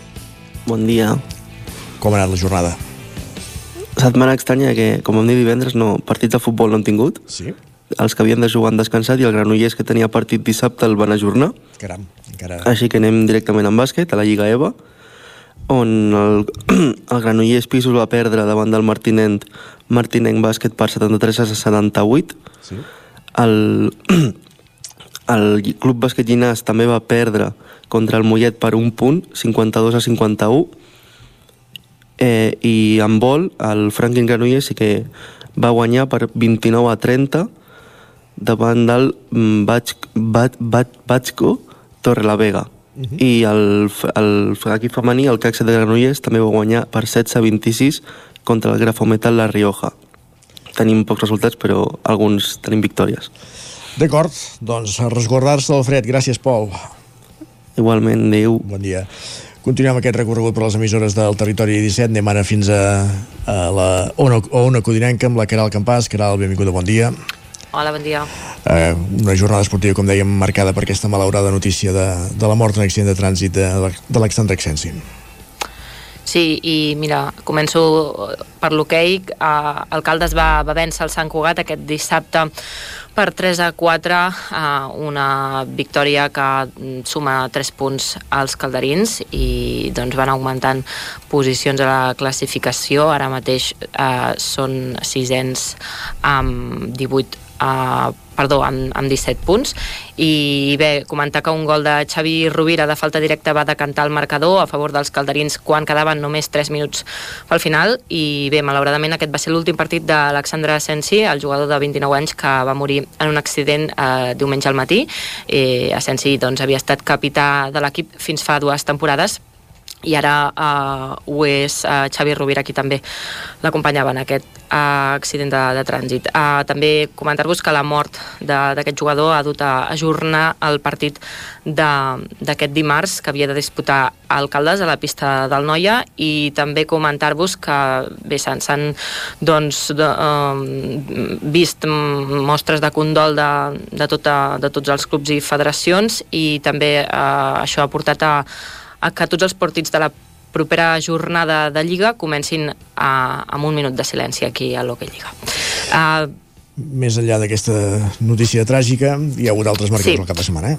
Sí, uh, en hoquei femení auguràvem un partit complicat pel Vigas, que s'enfrontava al Palau, un partit que va acabar amb derrota de les de Vigas i Riells del FAI per 8 a 1 a la pista del líder de la competició, el Palau de Plegamans, un equip que fa uns anys que no para de sumar encerts. I qui també va ser derrotat va ser el Sant Feliu de Codines que no va poder, no va saber reaccionar contra el Vic i va tornar a, a perdre a un partit el d'aquest dissabte a, que sens dubte els codinencs doncs, venien marcats per la ressaca de la derrota amb el Ribes i s'havien plantejat doncs, com un punt possible d'inflexió.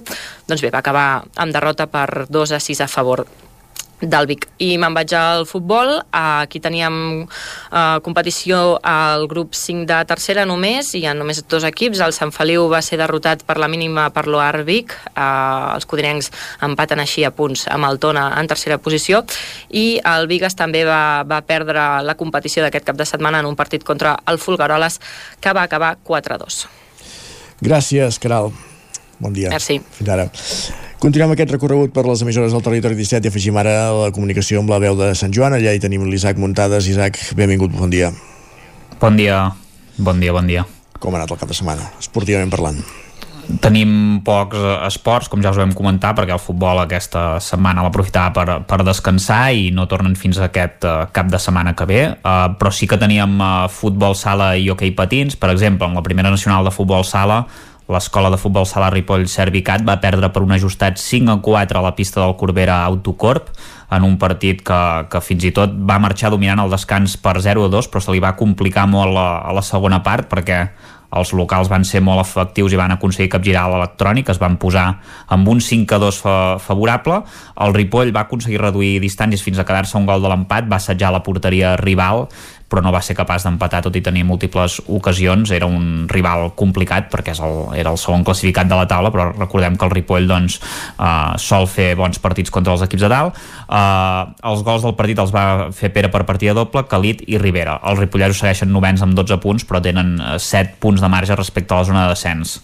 I pel que fa a la Lliga Nacional Catalana d'Hockey Patins, l'Hockey Club Ripoll va perdre a casa contra el líder del campionat, el Reus, per 1 a 3. A la primera part va predominar la igualtat i el resultat va acabar amb empat a 0 i a falta de 7 minuts eh, pel final del partit el Reus va obrir la llauna, es va aconseguir avançar en el marcador i el Ripoll va haver-se d'obrir per buscar l'empat i els reusencs ho van aprofitar per sentenciar la contra amb, amb un 0 a 3. Enric va fer el gol de l'honor a un minut pel, pel final del partit. Els ripolleros ara mateix continuen quarts de la classificació amb 11 punts i ara tindran partits més favorables contra rivals directes o que estan per sota teu, per, per sota seu, per tant esperem que puguin doncs, tornar a agafar una bona, uh, un bon serró de punts per encarar doncs, la segona part de, de la temporada. Gràcies, Isaac. Uh, parlem d'aquí una estona. Fins d'aquí una estona. Fins ara. Fins ara. I acabem aquest recorregut per les emissores del territori 17 fent una aturada als estudis de, del nou FM on hi tenim l'Ester Rovira. Benvinguda, Ester. Bon dia. Ara, se'm Ara sí. sent? Sí. Bon dia. bon dia. Què tal? Molt bé. Uh, per repassar, com dèiem, la jornada esportiva pels equips de, de la comarca d'Osona. Exacte, els que han jugat aquest cap de setmana perquè aquests dies uh, de, de pont i palanques per davant i per darrere d'aquesta setmana llarga uh, hi ha conjunts que juguen aquesta setmana, d'altres que ho fan la setmana que ve, alguns que ho han avançat, uh, d'altres que jugaran els dos caps de setmana, per tant, uh, una mica de tot. Uh, si us sembla, comencem amb, amb futbol i a la tercera federació, on el Tona va perdonar en el seu partit d'aquest cap de setmana al camp dels Sants eh, i va empatar un gol eh, hem de dir que, que el Sants va jugar mitja hora amb inferioritat numèrica i, i va aconseguir tot i així igualar el, el marcador el, el gol inicial que havia fet Roquet al minut eh, 50 uh -huh. eh, un Tona que ara mateix és desè a la classificació d'aquest grup 5 de tercera amb 17 punts eh, d'un grup de, de 16 per tant eh, zona mitja baixa eh, Sí. de, la, de la classificació eh? en el cas de, de la primera nacional femenina el Vic Riu primer que continua sense afluixar 3 punts més aquest cap de setmana després d'imposar-se per 1 a 4 al camp del Font Santa Fatjó i després de capgirar 1 a 0 eh, en el primer minut eh, golejada per tant per, per arrodonir eh, aquesta, aquest desplaçament. Eh, les biguetanes que ara mateix són sisenes a la classificació amb 22 punts 10 menys que el líder que és el Huesca. Eh, bona temporada eh, la que estan fent eh, la, les biguetanes. Aquest any l'objectiu era fer un pas eh, més respecte a la temporada passada i de moment s'està assolint perquè es troben eh, doncs entre, entre els conjunts de, de la part alta d'aquesta primera nacional femenina de, de futbol. I en el cas de la primera catalana, això que us explicava, que alguns han jugat, d'altres no, la jornada està prevista per la setmana que ve, però el Manlleu i el Vic ja han jugat aquest cap de setmana. Eh, els biguetans van ser superiors eh, i van guanyar el Camp, el Camp Givert per 1 a 2 eh, un equip que aquest gironí que ho havia guanyat tot a casa eh, aquesta temporada i això permet eh, doncs els biguetans enfilar-se fins a la quarta posició del grup de la primera catalana amb 17 punts. Eh, recordem que l'escala és el líder eh, indiscutible amb 24 per tant els biguetans que van traient el cap en aquesta part alta. I el Manlleu en canvi no troba el gol eh, i va empatar sense gols aquest cap de setmana a casa amb el Palamós. Eh, això sí, manté per segona setmana consecutiva la porteria zero, que això també és important i ara mateix novens els manlleuencs amb 12 punts, seguits de, del Torelló que com deia eh, jugarà la, la setmana que ve i que és eh, desè amb, amb 10 punts. Això pel que fa al, al futbol, el més destacat de, del futbol, però aquest cap de setmana eh, hi havia també jornada eh, d'hoquei eh, i per exemple el Voltregà tenia un desplaçament desplaçament de, dels complicats, visitava la pista del Reus eh, i en un partit amb moltes baixes i poc encert per part de, dels de Lluís eh, Teixidor, doncs eh, derrota voltreganesa per, per 3 a 1.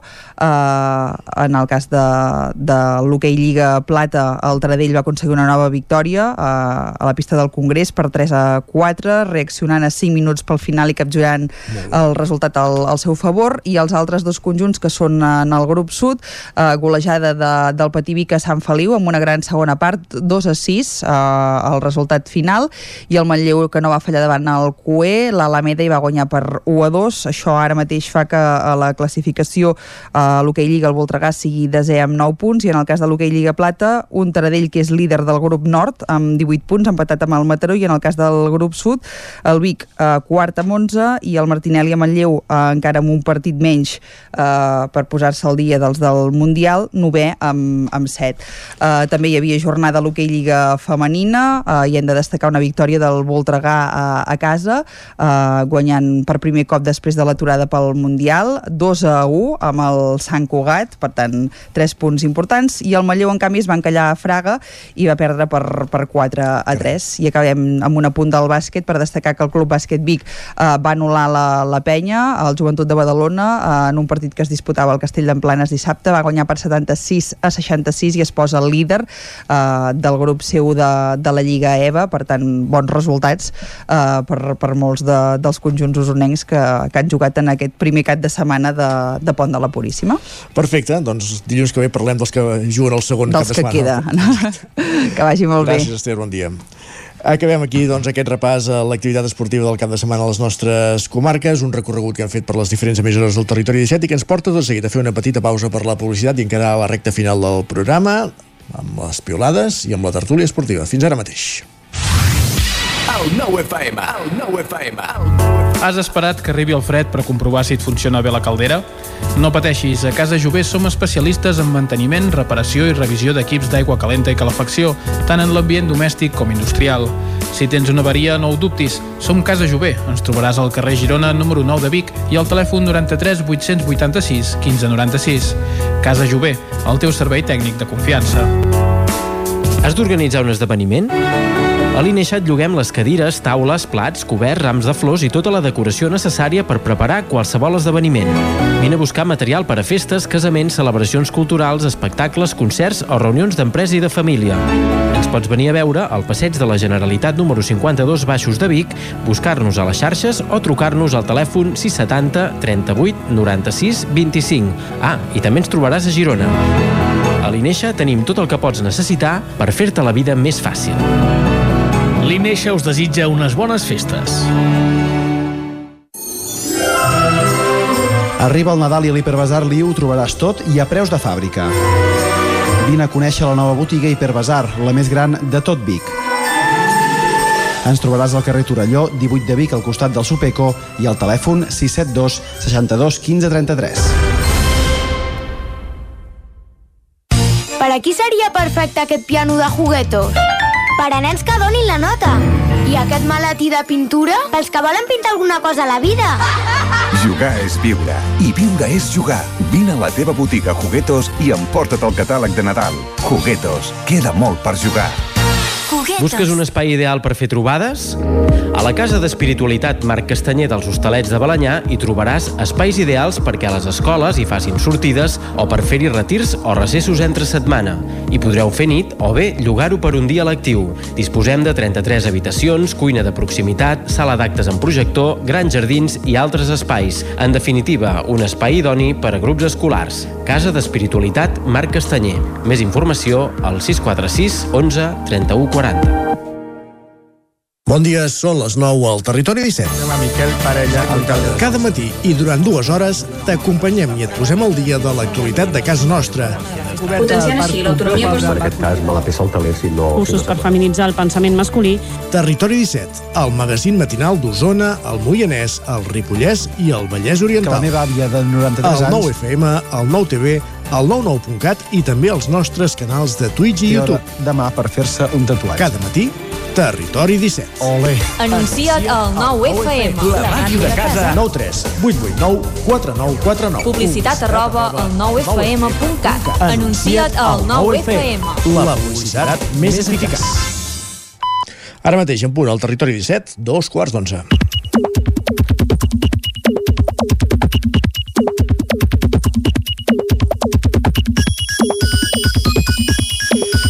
I a dos quarts d'onze, com cada dia al territori 17, el que fem és saludar en Guillem Sánchez. Benvingut, Guillem. Què tal? Què tal? Veig, veig que no fas pont. No, avui no. Ah, què vols dir, que un dia d'aquests en faràs? No sé, ja veurem. Ah, ja, entesos. ja t'ho diré, Isaac, si faig pont. D'acord. O ja ho veureu si, si arribo aquí o si no arribo aquí. No, no, la intenció és ser-hi, entenc, els tres dies que hi ha programa, oi, Isaac? Aquesta és la intenció. Correcte, Tot i correcte. que, esclar, pot ser que Vic estigui col·lapsat divendres i no puguem arribar. Correcte, ara ho has dit, ara ho has dit, perquè bé, de fet aquesta setmana és una mica estranya i si no que li demanin a la Neus que avui ja ens deia, diu, dilluns de no pont més Renfe, quan arribi a la feina necessitaré un cafè doble. Són dues coses de llosa bastant gran, eh? Haver de treballar i haver d'agafar la Renfe. Sí. Mala peça al taler. Com deies, eh? Pa de cada dia, de fet. Correcte, per molta gent, per molta gent. Uh, com recordaves, eh? aquesta setmana de Mercat Medieval, en Pep envia un consell a tothom qui el vulgui agafar. Diu, Iam. estimats fangues, agafeu els descansos, els guants d'esquí, les orelleres i les llars de foc plegables. Ara, quan vingueu al Mercat Medieval a Vic, aquest cop cal, diu, menys 5 graus. Bé, és que quan arriba al mercat medieval fa, fa fred, vull dir, ens hem d'abricar tots, això... En Pep Acosta ens deia, però, que se suavitzaran les temperatures de cara a finals de setmana, eh? Però uns guants a la butxaca de Ah, no, no. l'abric eh, mai són de més, eh? Sí, sí, no vingueu en biquini, està clar. ni un buf ni una bufanda. Va, la Maria hi afegeix, diu, i la R3 per fer una experiència encara més medieval. De fet, sí, si algú vol venir un divendres aquí de Mercat Medieval amb la, amb la R3, ja que ho Ens ho, de, de fer tot. ens ho deia abans la Bet Piella, la regidora de promoció econòmica, que hi ha acord entre l'Ajuntament i Renfe perquè habilitin més trens, precisament per venir al medieval. Val, hi ha un acord, ja veurem llavors que s'acaba... És l'experiència del tren medieval. que s'acaba fent. Home, podria ser un, un producte turístic de la, de la ciutat de Vic, també, aquesta. El tren medieval. Puja el tren medieval. Va, i el Lluís ens fa la següent comparació, precisament. Ens diu, consellet per la setmana que entra. El mercat medieval de Vic és Juego de Tronos, però sense pressupost. Jo no he vist Juego de Tronos. No sé si tu, Isaac, estàs d'acord No, o no estàs d'acord. tampoc l'he vist. No? Doncs mira, va, saltarem al següent. I a la Ivet sembla que no li agrada massa aquest esdeveniment. Ens escriu, a hores d'ara, a Vic i voltant ja hi deu haver gent tallant etiquetes de fuets i llonganisses perquè semblin més casolans per vendre al mercat medieval. Diu que aquella època en menjaven molt, es veu. Perdó, eh, però hi ha una botiga que ho fa tot l'any. No, no cal que sigui mercat medieval. ja està. I el caldo aquell, aquell calent que porta 25 hores fent-se a poc a poc. Sí. Mare de Déu, el que s'ha d'escoltar. Va, i m'ha fet molta gràcia el comentari d'en Jaume vinculat amb coses que passaran aquesta setmana. Ens diu Puríssima i Espanya-Marroc, el derbi de veritat del Baix Llobregat. Dia molt i molt gran. El derbi de veritat del Baix Llobregat.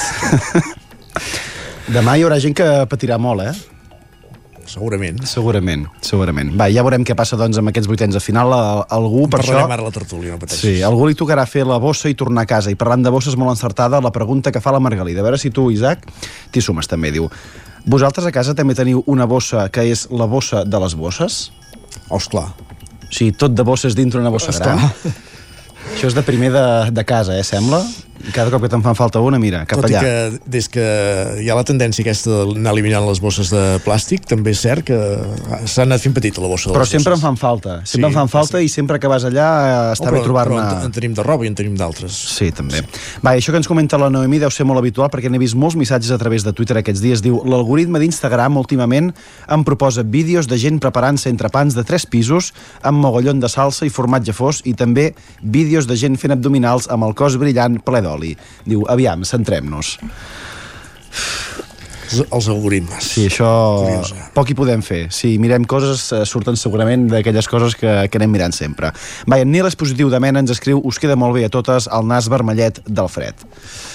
Però deies, eh, que en Pep ens ha dit que cada cop en faria menys aquesta setmana. Se suavitzaran. Se suavitzaran. Ja, tampoc estarem, arribarem als 20 graus, no, Però, no emocionem. però, però temperatures negatives, alguna o no? No, això, clar, és que no, no hem arribat en tant detall. Tem- Temperatures negatives són les que hi ha hagut aquesta nit i que han baixat exemple, molt. i tant. Ja dic que es aniran corregint, per tant, potser arribarem als 0 graus, ni fred ni calor. Va, perfecte. Va, i per, per acabar una reflexió de la Glòria, que no sé si compartireu, ens escriu sempre m'ha agradat més l'aperitiu que el dinar, els divendres que els caps de setmana, les cites dels llibres que els les finals, les albades que les postes de sol, els caps de les gambes que la cua, salpar que recalar, els preliminars a fer l'amor. Deu ser una qüestió de principis. Pensava que això també acabava al mercat medieval, veig que no. No, però bueno, a principi d'aquesta setmana, de moment les reflexions són aquestes, ja veurem com arribem a divendres, que bueno, esperem arribar-hi vius, eh, amb una mica de fred i, i amb moltes ganes d'anar a veure les parades. medievals. Gràcies, Guillem. Va, que vagi bé. Territori 17. El 9 FM, la veu de Sant Joan, Ona Codinenca, Ràdio Cardedeu, Territori 17.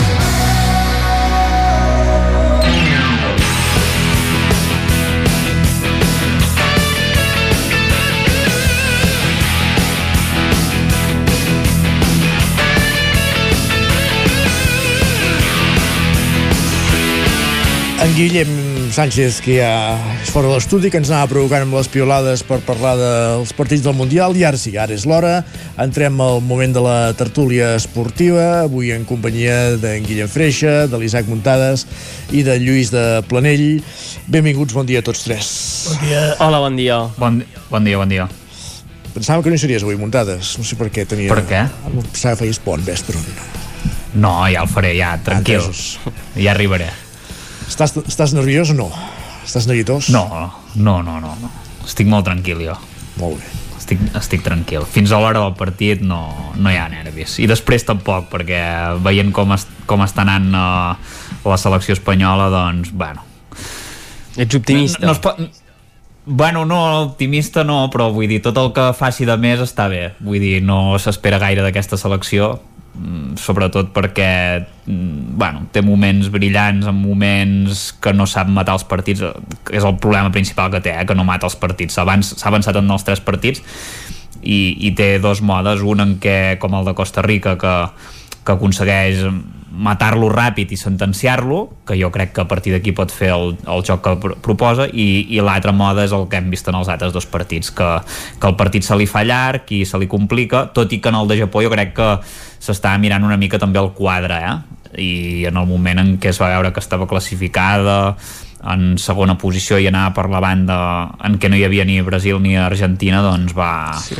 van respirar tranquils i jo crec que s'ho van fer una mica a mida Bueno, el que passa és que hi ha Anglaterra i França. Sí, ara anava a dir. Vull dir que no ho sé, eh, esclar.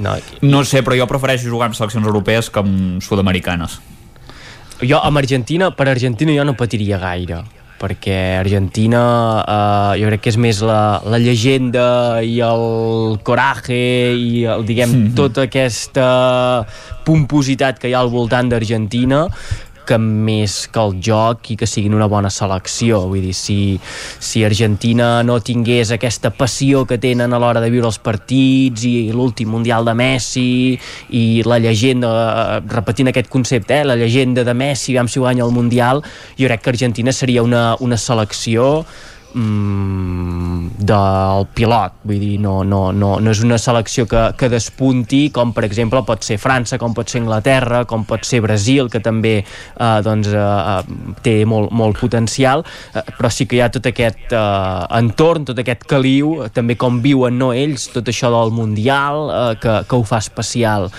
Um, i Espanya uh, bueno, jo crec que això eh, que passa molt amb la selecció espanyola i els mundials i va haver aquest parèntesis de de 8-10 anys eh, en què es van guanyar eh, coses com les, les dues Eurocopes, el, el Mundial, en què era una Espanya que el joc doncs, no permetia mm, posar-li gaires peròs, però que tornem una mica a, a la fase anterior a aquesta època de bon joc, en què Espanya era uh, la fúria, la rauxa i uh, aquesta idea de d'alts i baixos, no? que, que guanyaven un partit i semblava que ja haguessin de, de guanyar el Mundial i que en perdien un altre i ja semblava que era una selecció que no, ser, no servia per res. Ha passat una mica això.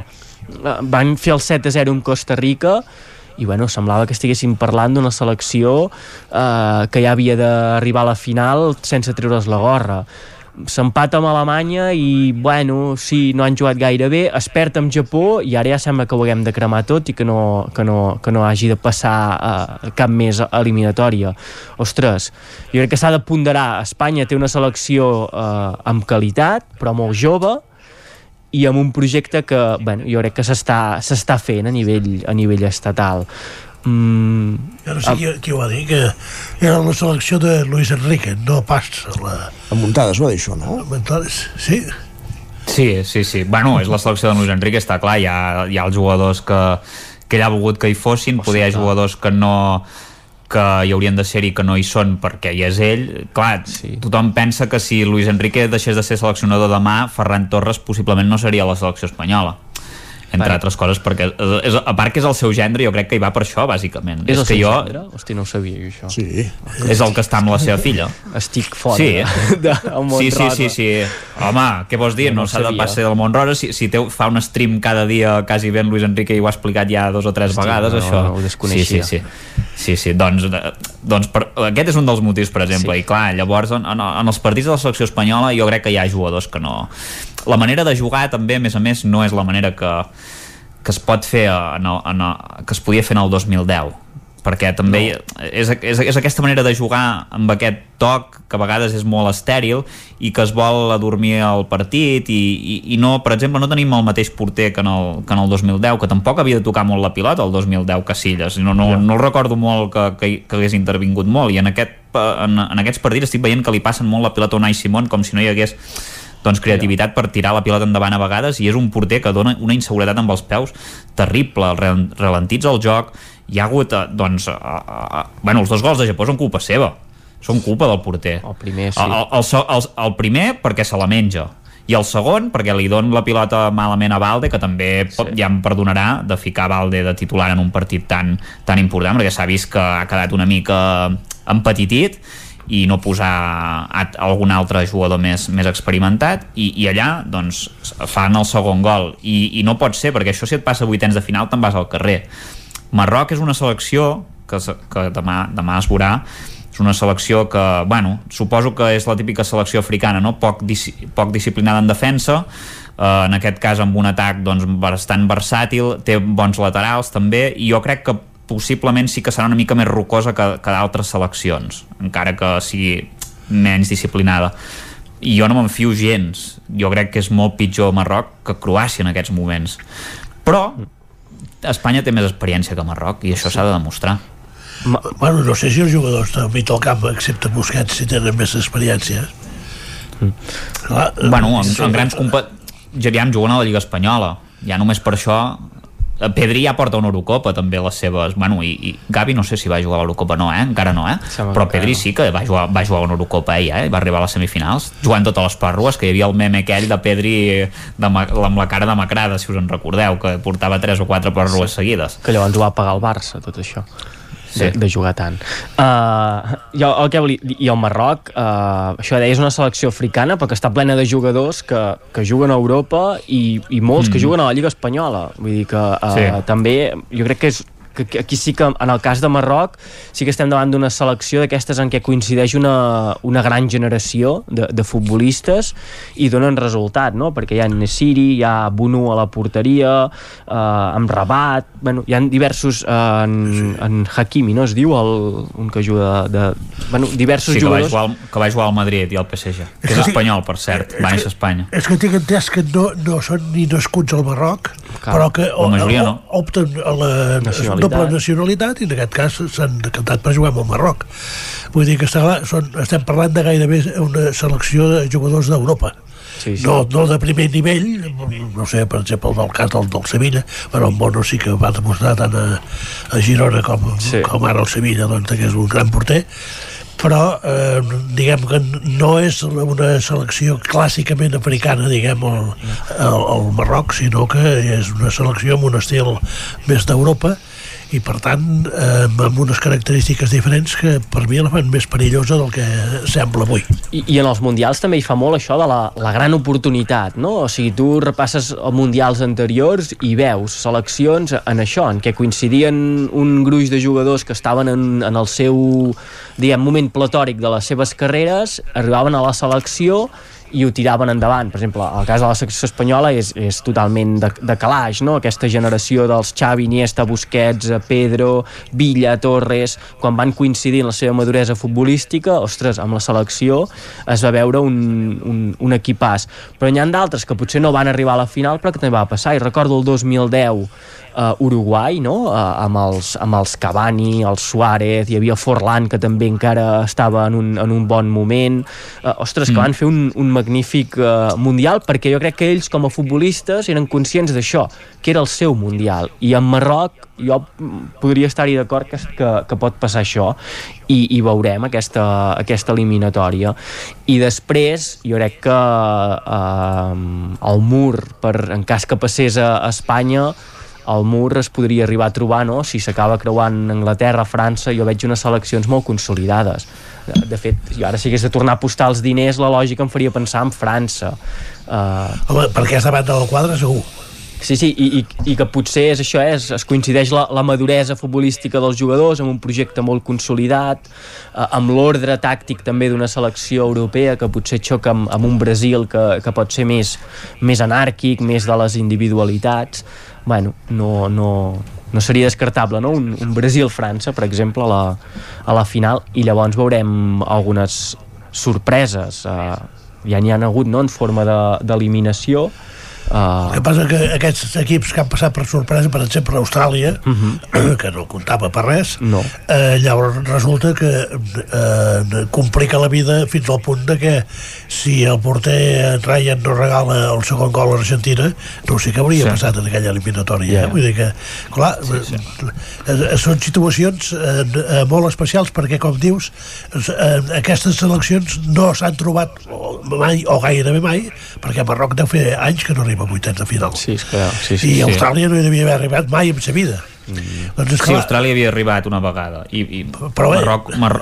Sí, Marroc una també, o així no gaires vegades, no? per això que llavors et trobes que eh, el, el jugador està més que motivat perquè arriben a una eh, situació excepcional que fan que, que, que rendeixin potser per sobre del, del seu nivell.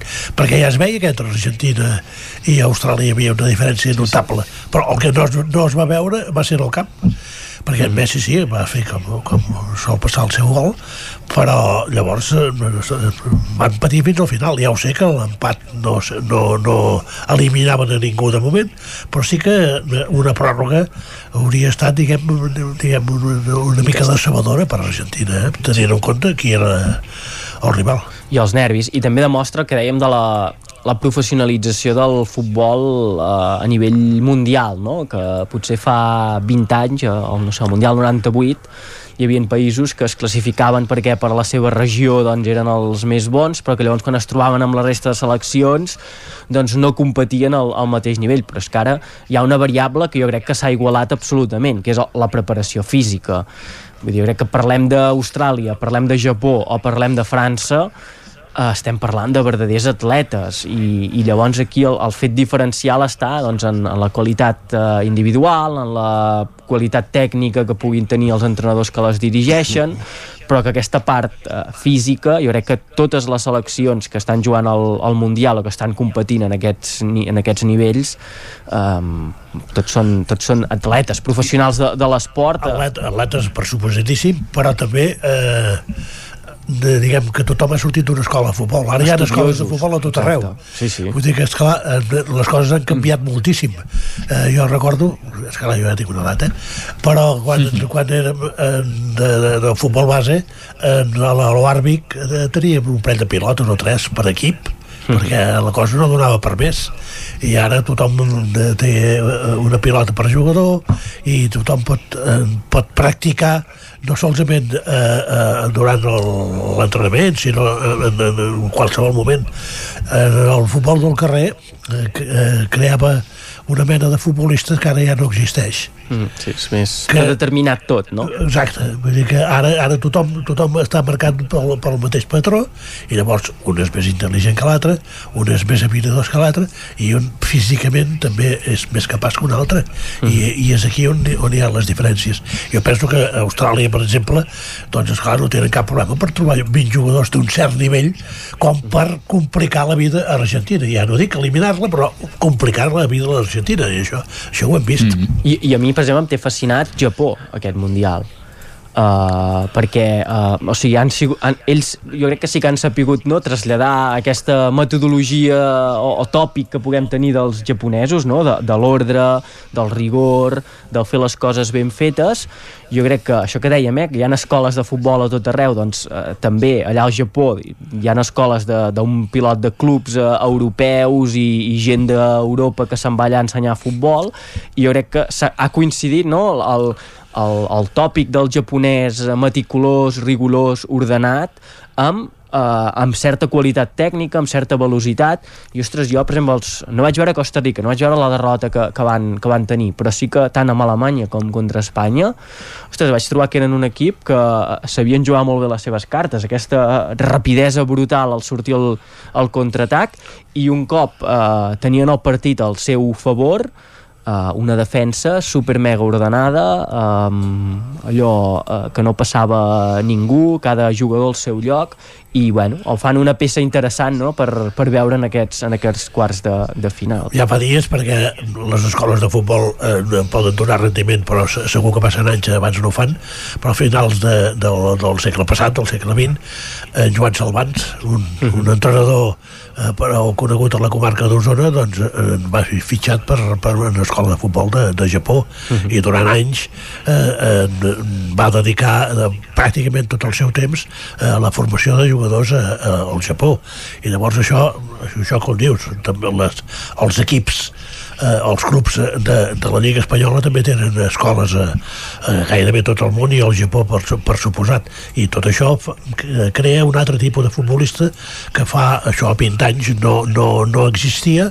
Per què? perquè no, no hi havia la base mínima imprescindible perquè un jugador tingués un nivell eh, com a mínim eh, decent per participar en una competició internacional. Sí, i, i la constància no, d'aquests països que, com dius això, eh, fa anys i anys que, doncs, que hi ha gent que hi treballa, que potser no els han acabat de sortir doncs, els resultats que esperaven, fins i tot el 2002 no hi va haver un Mundial, el de Mundial de Japó i Corea, on Corea sí que va arribar a semifinals, no? va arribar, uh, mm. però en canvi Japó doncs, potser va ser una mica mm, decepció, però han anat insistint i aquest Mundial el, de moment estan fent un molt bon paper i segurament el futbol japonès en sortirà reforçat. Hi ha anat Iniesta també a, a jugar allà al Japó, uh, Samper, hi ha molts jugadors que han anat apostant cap allà al, al Japó i sí que hi ha un ecosistema de futbol.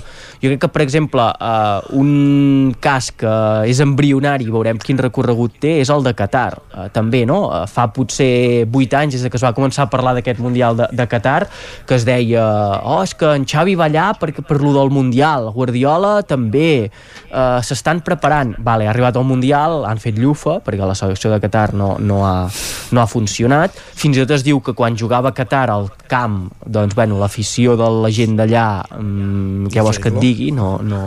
El primer partit van marxar a la mitja part, no? Sí, al sí. camp. que no, no els interessava massa perquè segurament es fixen més en, en, en les estrelles del futbol que no pas amb la seva eh, selecció veurem quin recorregut té. Si fan com aquests països com Japó o com alguns països asiàtics o Estats Units fins i tot, no? que, que també des del Mundial del, del 94 Uh, bueno, ha anat uh, el soccer, que en diuen, ha anat, ha anat, mm. agafant, ha anat agafant força, o Qatar s'acaba aquí i, i es confirma aquest, aquesta aposta per un Mundial Home, per un simple rentat de cara del país. Qatar és com, com Andorra, vull dir que de, de gent del país n'hi ha ben molta poca. menys que, que, que, vale. que de gent que hi viu i, i és fora. Vull dir que, està clar, llavors percentualment ho tenen complicat de, de, de poder fer una, una bona selecció a part de que jo penso que en 10 anys eh, deu ser els, els anys que, que fa que Xavi va anar per, mhm. per primera vegada allà per mi en 10 anys és, és insuficient encara eh? sí. una escola de futbol necessita un recorregut bastant més llarg per treure grans jugadors però veurem si té continuïtat o, o si això s'acaba aquí si era tot un mecanisme només per portar al Mundial i, i ja està perquè eh, se n'ha parlat molt no, aquests últims anys de, de Qatar, l'aposta pel futbol les escoles ens ensenyen sempre instal·lacions super super ben parides de, de futbol i es va crear aquella acadèmia, l'Spire de, de Qatar, que, que venien sempre al, al MIC i, i ho guanyaven en, en categories uh, infantil i juvenil. Mm, jo no he sentit gaires jugadors que... Jo Sí, sí, no, a, a, això que dius, eh? I ara, a més a més, eh, he sentit que Qatar diu que volen organitzar els Jocs Olímpics, que això bueno. ja seria...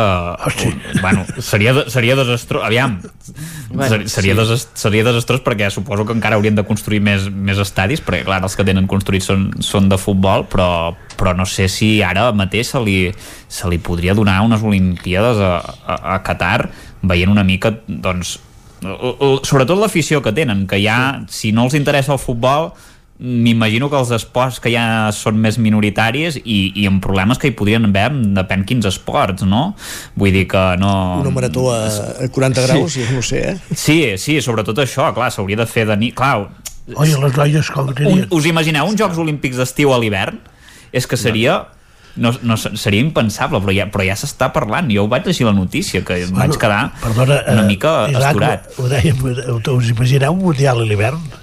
Sí, sí, ja, no, no, ja és, i, eh? I ja, ja hi és, però clar, el, el Mundial suposo que també és més controlat, només és un esport, eh, eh, els estadis són tancats, es pot mirar de, de controlar, no? Però clar, és això que deia l'Isaac, imagina't tu fer una marató a 40 graus, perquè poder 40 no sé si són ara a l'hivern, eh? però si deuen acostar segurament, eh? No fa fresca, Vull no? dir, sí, o esports a l'aire lliure, o jo què sé, eh, no sé, no sé, és que Sí, sí, tot. Pot, ser, pot ser terrible, pot ser terrible. No, bueno, això dependrà de, del que untin i el que es deixin untar, no? Que es diu en Sí. llenguatge vulgar. Vull dir, De diners en tenen. Val, jo, ara, o sigui, veient com ha anat tot això del Mundial de Qatar, del resultat esportiu de la selecció, de tot el que s'ha arribat a parlar aquests eh, dies i mesos de lo que ha comportat fer un Mundial allà, jo crec que és evident que això era un allò, un tejemaneje entre els Sí, dirigents del futbol i un estat que bueno, es dedica a, a l'exportació de petroli i, i tot plegat i que vol, a través de l'esport vol doncs, netejar o, o obtenir una, una vessant simpàtica a nivell mundial ho han fet amb el Mundial, ho ha fet Aràbia Saudí amb el Dakar, eh, bueno, són amb la Supercopa, no?, també que se, se la van emportar cap allà, jo crec que aquí és on el món de l'esport digui tu, prou, uh, fins aquí hem arribat, uh, de, de fer-vos aquesta campanya de, de, de fer-vos simpàtics a ulls del, del món. Jo no veig a les atletes de marató corrent amb les capes tapades, per exemple. Clar, Sí, això no ho volia dir jo abans, però, però és un dels esports que jo penso que... O el vòlei platja, eh, també, per exemple, eh? Vull dir, us, no, no, no m'ho puc ni arribar a imaginar, eh? Però, però clar, allà potser, jo que, jo que sé, en principi no hauria de passar, però... Però bé, no, no m'agradaria, la veritat.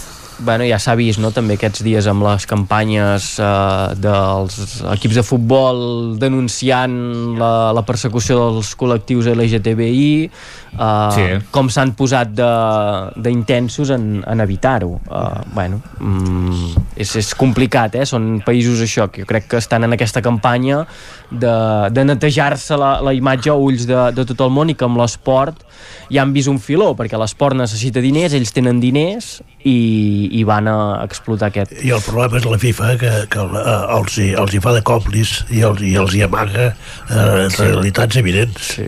Perquè, Sí, sí, sí. perquè de la gent que hi ha anat ho sap, això. Sí. I llavors, Sí, sí. doncs, a escala, com que ells cobren, els dirigents... Però Infantino és gay, eh, Lluís? Infantino és gay, se Doncs. sent gay, se sent treballador migrant i... Sí, sí i emigrants, sobretot emigrants, sí.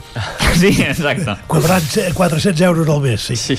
Lluís de Planell, Isaac Muntades, Guillem Freixa, gràcies per ser aquest dilluns avui al Territori 17, fer-la petar parlant de futbol del Mundial i fins dilluns vinent. Moltes gràcies. Adéu. Bon dia. Adeu, vagi bé.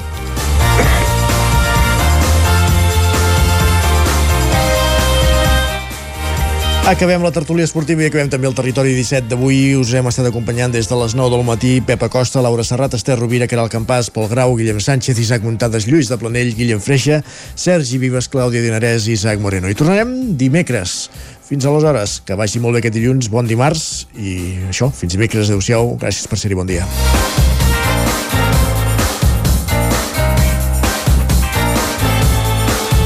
Territori 17, un magazín del nou FM. La veu de Sant Joan Ona Codinenca i Ràdio Cardedeu amb el suport de la xarxa.